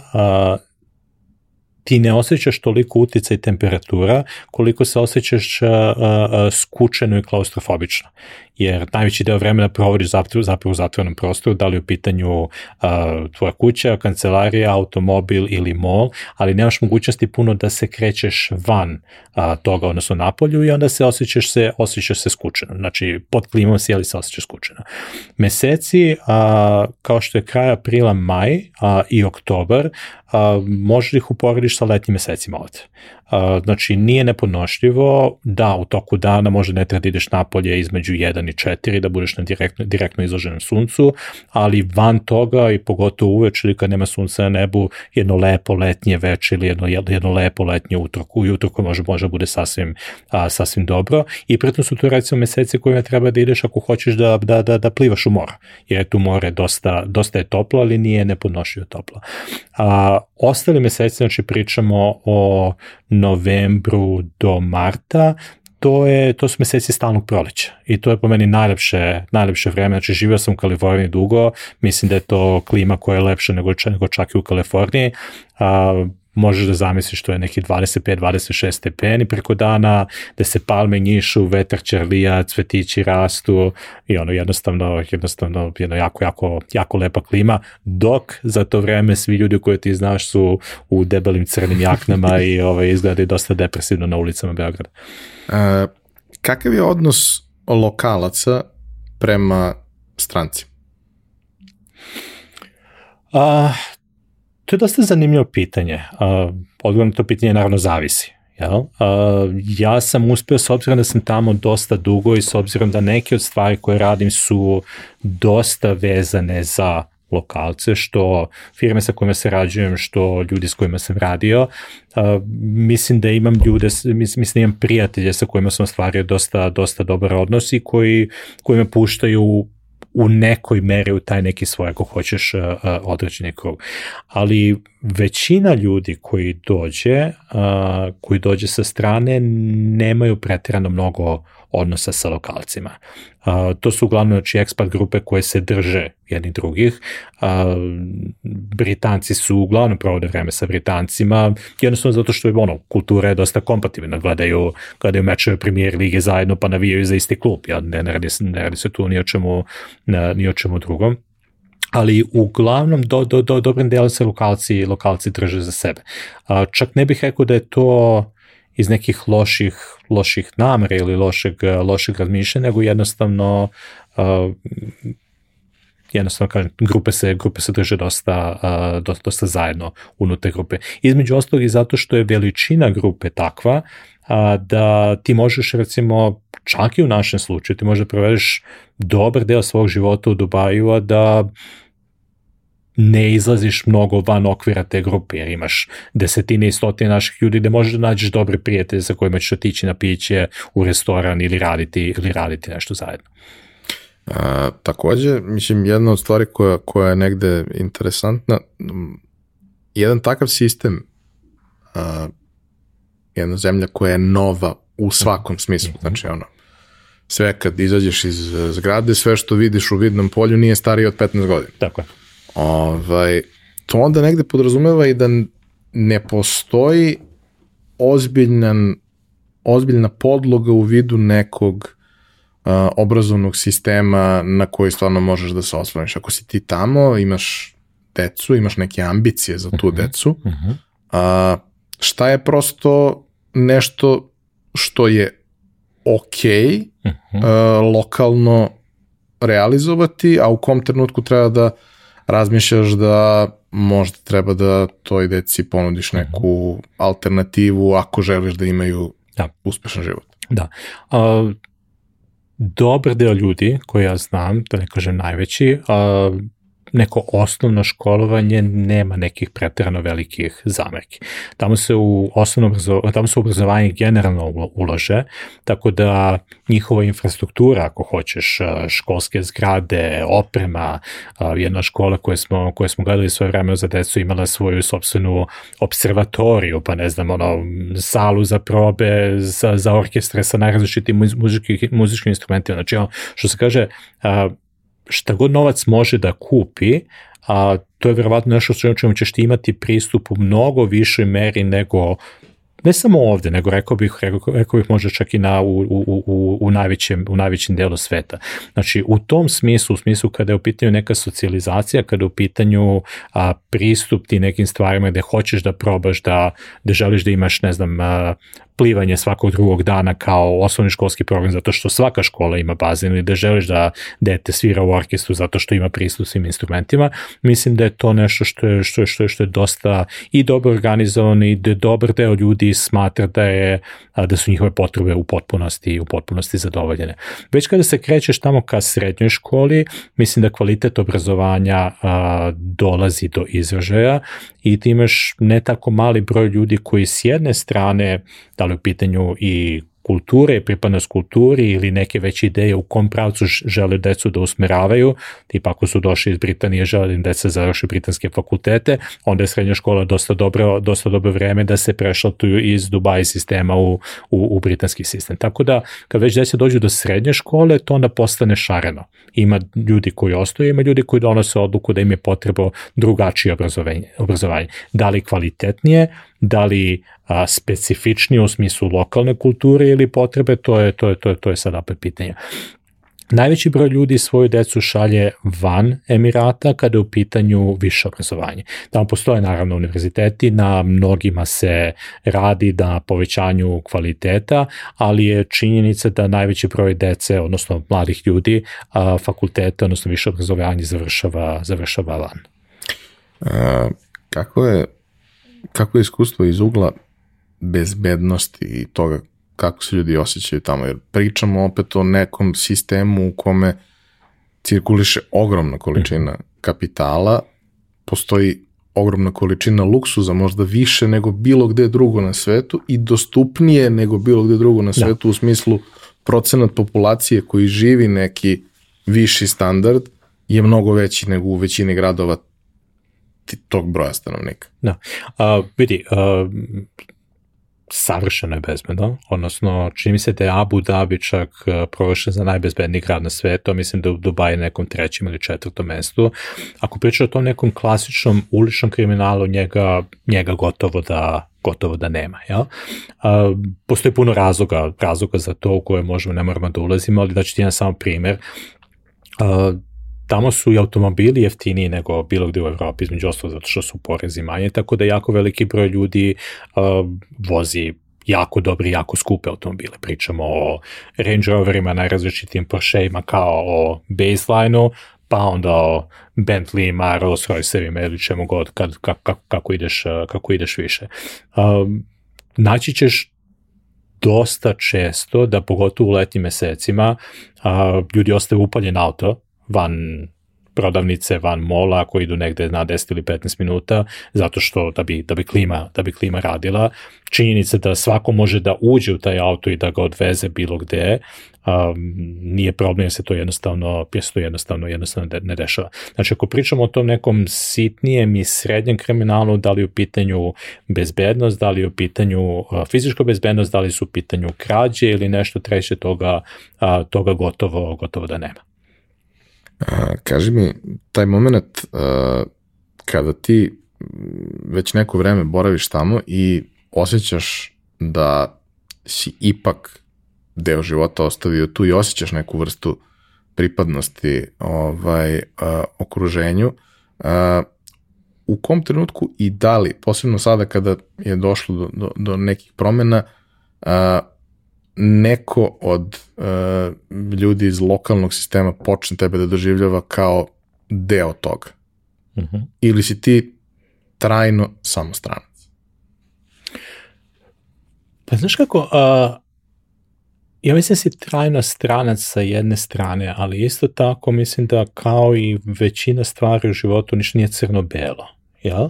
Znači, nije, ne postoji dihotomija ti si ili stranac ili si lokalac. Mislim, postoji uh, jedna ta srednja varijanta ili nekako hoćeš siva zona gde na drugačiji način mene gledaju ljudi koji znaju da sam ja već 15 godina tu, da sam dosta dao tom sistemu, izgradnji sistema, da sam se, što se kaže, komitovao tome, da sam dosta uložio, da su mi deca rođena tu, da deca idu u školu tu. A, drugačije je to u odnosu na nekoga ko je, ne znam, pre šest meseci sišao, sišao iz aviona i sad hoće da radi kao, kao neki posao. Ja ipak imam taj, taj neki network i te neke veze koje su koje, koje, koje, koje su stare godinama, gde se te na drugačiji, na drugačiji način te gledaju nego na nekoga ko je tek, ko je tek došao i ko na neki vrlo transakcijani način hoće nešto, hoće nešto da završi. Jedna stvar koju nismo, koju nismo, koju nismo pričamo, koju možda, možda možemo da pomenemo, a, tamo, su, tamo su veze, tamo je poverenje jako važno. U smislu na koji način se tamo, tamo, tamo radi biznis.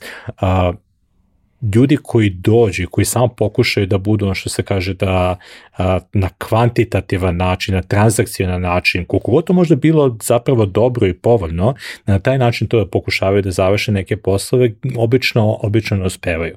Obično ono što se traži je da sa obe strane da se uloži neko vreme, da se uloži neko poverenje, da ćete primjer, a, smatra se veoma a, a, vulgarnim čak na neki način da ti a, na nekom sastanku kada sa nekim koga prvi put vidiš da odmah počne da priča o poslu. Ja?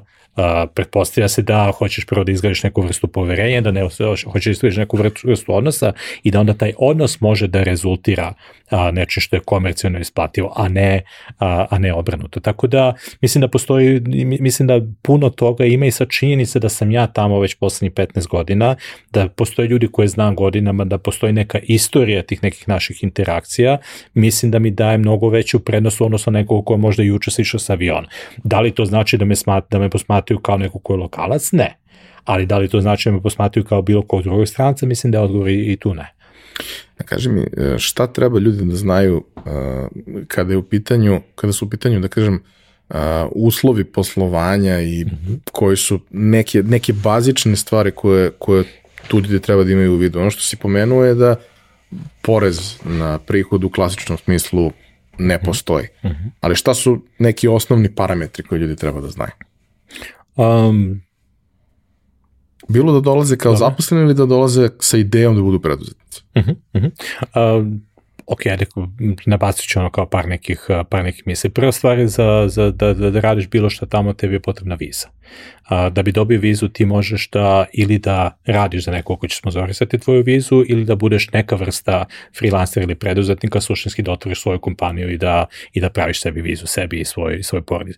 I jedno i drugo su vrlo legitimne varijante i jedno i drugo su relativno lake varijante, pogotovo u odnosu na to kako to recimo funkcioniš u Americi ili u nekim, u nekim drugim zemljama. A, to može da zahteva dosta sredstava i dosta novca, a, otvaranje svoje firme, registracija, sprovođenje tih nekih regula, pravila i svega toga a, može da košta, tako da to nije nešto što se kaže što se radi na a, štapom i kanapom, znači treba biti spreman za potencijalno veća nego očekivana ulaganja, odnosno troškove kada su, kada su te neke stvari u pitanju. A, to je prva stvar. A, druga stvar, tržište je nije, to sad pričamo kao generalizujemo, nije, nije nužno sve isto u istim vertikalima, a, tržište nije nužno dovoljno izdiferencirano, A, tako da s jedne strane je moguće za nekoga ko tek dođe da se relativno brzo probije. Znači ne postoji pretjerano veliki broj ljudi koji su tu ne znam već 30 godina pa imaju stalne klijente koji ne bi išli nigde drugde. Znači za nove firme i nove ljude je to otvorenije nego opet na nekim a, na nekim drugim tržištima, ali isto to znači da ali isto tako je tu i sa te strane veća konkurencija. Znači dolaze ljudi a, sa svih krajeva sveta koji hoće da naprave neki svoj biznis, koji hoće da naprave neku svoju da traže neku svoju sreću i sad ono konkurencija u tom smislu jeste nešto što treba a, što treba što treba imati u vidu. Mi kad odemo odavde, mi smo jedni od mnogih Da li smo mi iz Srbije ili je došao neko drugi iz Indije, da li je došao neko treći iz Pakistana, na koji način se boriti, na koji način se izdvojiti, to je, to je, to, to je nešto što je, što, što je uvijek znak pitanja opet u zavisnosti od industrije u kojoj se, o kojoj se radi. Kako je izgledao COVID u Dubaju? COVID u Dubaju, vrlo zanimljivo pitanje. prva reakcija u kada, kada, kada je COVID došao je bila dosta vrlo striktna striktni. Ja mislim da nivo zatvaranja koji je tamo bio u prvih par meseci covid je bio na najstrožijem mogućem nivou. Daću ti primjer. Bilo je zabranjeno svako izlaženje iz kuće u toku 24 sata. Postojala je aplikacija po kojoj si ti mogao jednom u toku dana da tražiš dozvolu da izađeš iz kuće.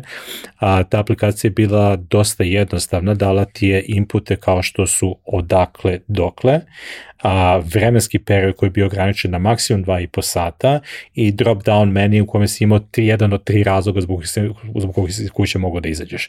Da odeš u supermarket, u apoteku ili kod lekara a, i a, i još, još jedan isto dosta vrlo, vrlo, vrlo specifičan, specifičan razlog. I ako si recimo tražio da ideš u supermarket svaki dan, to ti ne bi bilo odobreno. Tako da vrlo je vrlo bila striktna, striktna reakcija. Oni su, a, njihov program vakcinacije bio dosta brz, dosta sveobuhvatan. Oni su u nekom trenutku imali zahvat od preko 95% i u tom trenutku su oni počeli da se, da se otvaraju da bi u jednom trenutku a, postalo vrlo otvoreno društvo u trenucima kada su druga se društva zatvarala. I to je recimo jako zanimljivo u onom geostrateškom, makropolitičkom smislu, jer Dubaj se pozicionira kao taj neki centar dešavanja, ekonomskih dešavanja, njihovi glavni konkurenti su Hong Kong i Singapur. A, Hong Kong i Singapur su dosta bili restriktivni u tom smislu i ono što se desilo je da ne tako mali broj ljudi je se relocirao iz Hong Konga i Singapura u Dubaji, zato što su tamo mogli da žive bolje, da efikasnije rade svoj posao, da ne budu a, pod razbrazim karantinima i zatvaranjima, tako da u ekonomskom smislu ono što su oni uspeli da, da, da, da urade, da dovedu biznise, da se otvore za turizam, mislim da je bilo zaista, zaista fascinantno. E sad, ono, pitanje za kraj. Ovaj, ti si donio odluku pre godinu dana da uh, se vratiš sa porodicom, ne sa idejom da se vratiš i da nemaš više nikakvog dodira sa, sa, sa Dubajem i sa zalivom, već zapravo da nastaviš da radiš sve što si radio. Pretpostavljam da je jedan deo toga i činjenica da smo proveli dve godine radeći suštinski remote, svi, Tako. sve, osim onoga ko baš nije mogao iz fizičkih razloga.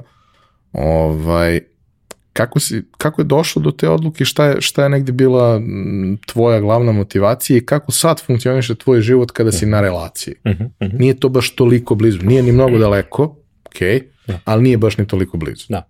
Uh, pa vidi, uh, ja sam i dalje jednom nogom tamo. Znači, realno ja sam jednom nogom ovde i jednom nogom tamo. Uh, najveći taj neki poslovni deo svega onoga što radim jeste vezan za a, za Dubaj, za, za Saudijsku Arabiju, za, za, za, za, za, za region i ja sam tamo suštinski dve nedelje mesečno, znači ono, bukvalno polovim, a, polovim svoje vreme. Porodica, porodica živi ovde, jedan od razloga što smo poželi to da uradimo jeste onaj klasični razlog da se približimo nekoj svojoj porodici, da deca malo, malo upiju neke naše kulture, da budu bliži svojim rođacima, babama, dedama, malo bolje nauče jezik i slično tome. Znači vrlo neke ako hoćeš lični, lični razlozi. A, sa profesionalne strane ja vidim tu dosta prilika Uh, nismo stigli da pričamo o tome, ja sam radio, uh, radio sam strategiju razvoja startup ekosistema Abu Dhabija uh, i način na koji ja vidim njihov startup ekosistem tamo, pričam Abu Dhabiju, ali možeš to da ekstrapoliraš na generalno region, je kao nešto što je vrlo komplementarno onome što mi ovde imamo. I ja onda to nekako vidim kao mogućnost da se grade vrlo zanimljivi mostovi između ovog regiona i onog regiona tamo, jer mi imamo ono što oni nemaju, oni imaju ono što mi nemamo, relativno je blizu u tom nekom geografskom smislu, u smislu vremenskih zona i svega toga, konkurencija je dosta manja nego neka, neke druge destinacije koje su ovde možda, možda popularnije i ja to vidim i u profesionalnom smislu neku priliku da gradim neke mostove, da stvaram neku vrednost i tamo i ovde, a i u krajnjoj liniji za, i za sebe. Tako da ima, ima, ima tu elemenata koji su, kažem, dosta ono, lične prirode, ali ima i dosta elemenata koji se, koji se vezuju za tu neku percepciju da postoji puno mogućnosti da se ta dva ekosistema pomežu, povežu i da se, i da se, da, da, da, da se prave neke vrlo zanimljive priče. Uh, još jedna stvar, dakle, tvoja pozicija prethodnih, uh, posljednja pozicija na kojoj si je da si suštinski nezavisni konsultant koji radi sa investitorima, investicijalnim fondovima i sa druge strane uh, startupima kojima je to tržište zanimljivo ili im je to tržište sa koga kreću u, u, u svoju priču. Uh, kako to funkcioniše, odnosno i kako funkcioniše i sa druge strane uh, ko su neki ljudi koje, sa kojima bi ti voleo da popiješ kafu u Beogradu na Dorčelu u nekom narednom periodu, kakve oni treba da imaju ciljeve i ideje da bi to imalo nekog smisla -huh. da vi napravite neku vrstu uh -huh. saradnje. Uh -huh. Šta će ovi u zalivu, to ćeš s njima tamo da rešavaš, da, da, ali ja da. brinem za ove naše ovde. Da, da, da. da, da. A, vidim, ono što mi, ono što mi recimo zanimljivo, mi su zanimljivi pojedinci i firme koji pokušavaju da prave a, globalni proizvod iz, iz, ove neke, iz ove neke naše priče pokušavaju da nalaze rešenja za neke probleme koji su globalno primenljivi, a koji bi želeli da pokušaju da taj svoj proizvod, odnosno to svoje rešenje plasiraju na velikom tržištu koje je gladno, koje je gladno takve vrste proizvoda u kojima, ta, u kojima lokalne rešenja možda nisu, nisu dovoljno zastupljene, nisu dovoljno a, dovoljno dobro zastupljena. A, znači, pričali smo o komplementarnosti ekosistema, ako pričaš o onom tamo ekosistemu, onaj tamo ekosistem ima pristup kapitalu, veliko je tržište, ali a, njihov talenat, odnosno broj lokalni, pogotovo inženjerski talent, znači pri, ljudi, ljudi koji znaju da naprave proizvod, je relativno, je relativno ograničen. Dok s druge strane, moja percepcija ekosistema ovde, relativno, relativno skoro sam se vratio, ali iz naših razgovora, iz a, drugih razgovora, tako, a, da tako shvatim situaciju, jeste da mi imamo dosta dobar taj inženjerski talent, ljude koji znaju da naprave proizvod, ali možda nemaju dovoljno komercijalnih znanja ili jednostavno nemaju prilike da taj proizvod vidi i dođe do velikog broja ljudi između oslog iz, ono, i, i, i u funkciji tržišta koje, koje jeste vrlo malo i ograničeno ako pričamo o tržištu Srbije ili čak i o tržištu, o tržištu regiona. Tako mislim da tu mogu da se prave neke konekcije, da to može da bude jedno jako dobro mesto da se proizvod iz te neke test faze koja se dešava ovde, da se primeni i da se lansira na nekom mnogo većem tržištu koje nije nužno toliko konkurentno, a vapi za rešenjima koje, su, koje nisu lokalno dostupne. Tako da svako ko ima tu neku vrstu priče, da li je to B2C rešenje ili je neko B2B konkretno rešenje, a, a, a, ono, bilo, bilo mi zanimljivo da, da, da, da, da popričam sa njim u svakom slučaju. Njim ili njom. Hvala ti e, na iskustvu koje si podelio. Verujem da će svakome biti dragoceno ko uopšte razmišlja, a i mnogima koji nisu razmišljali da zapravo na tom mestu na uh, zemljine kugli postoji potencijal za neku njihovu ideju. Uh, mislim da smo lepo ovaj, oslikali celu situaciju i svakako ovaj, bilo, je, bilo je jako zanimljivo uh, videti gde jedan saobraćeni inženjer uh, koji je sticajem okolnosti završio na Stanfordu može da završi u daljem toku svoje karijere. Nisi postao Michael Jordan, ali si u onome što radiš napravio neke jako interesantne stvari i imao si priliku zbog hrabrih izbora koje si napravio da učestvuješ u nekim stvarima u kojima vrlo mali broj ljudi ima priliku da učestvuje, tako da hvala ti na tome i na, na iskustvu koje si podelio. Hvala vama što ste nas slušali ili gledali. Ovaj, to bi bilo to za, za ovu nedelju. E, mi se čujemo i vidimo naredne, a e, ukoliko vam je potreban kontakt, pronađite Ivana na, na LinkedInu, bit će i link ka profilu u uh, opisu ove epizode. Hvala još jednom.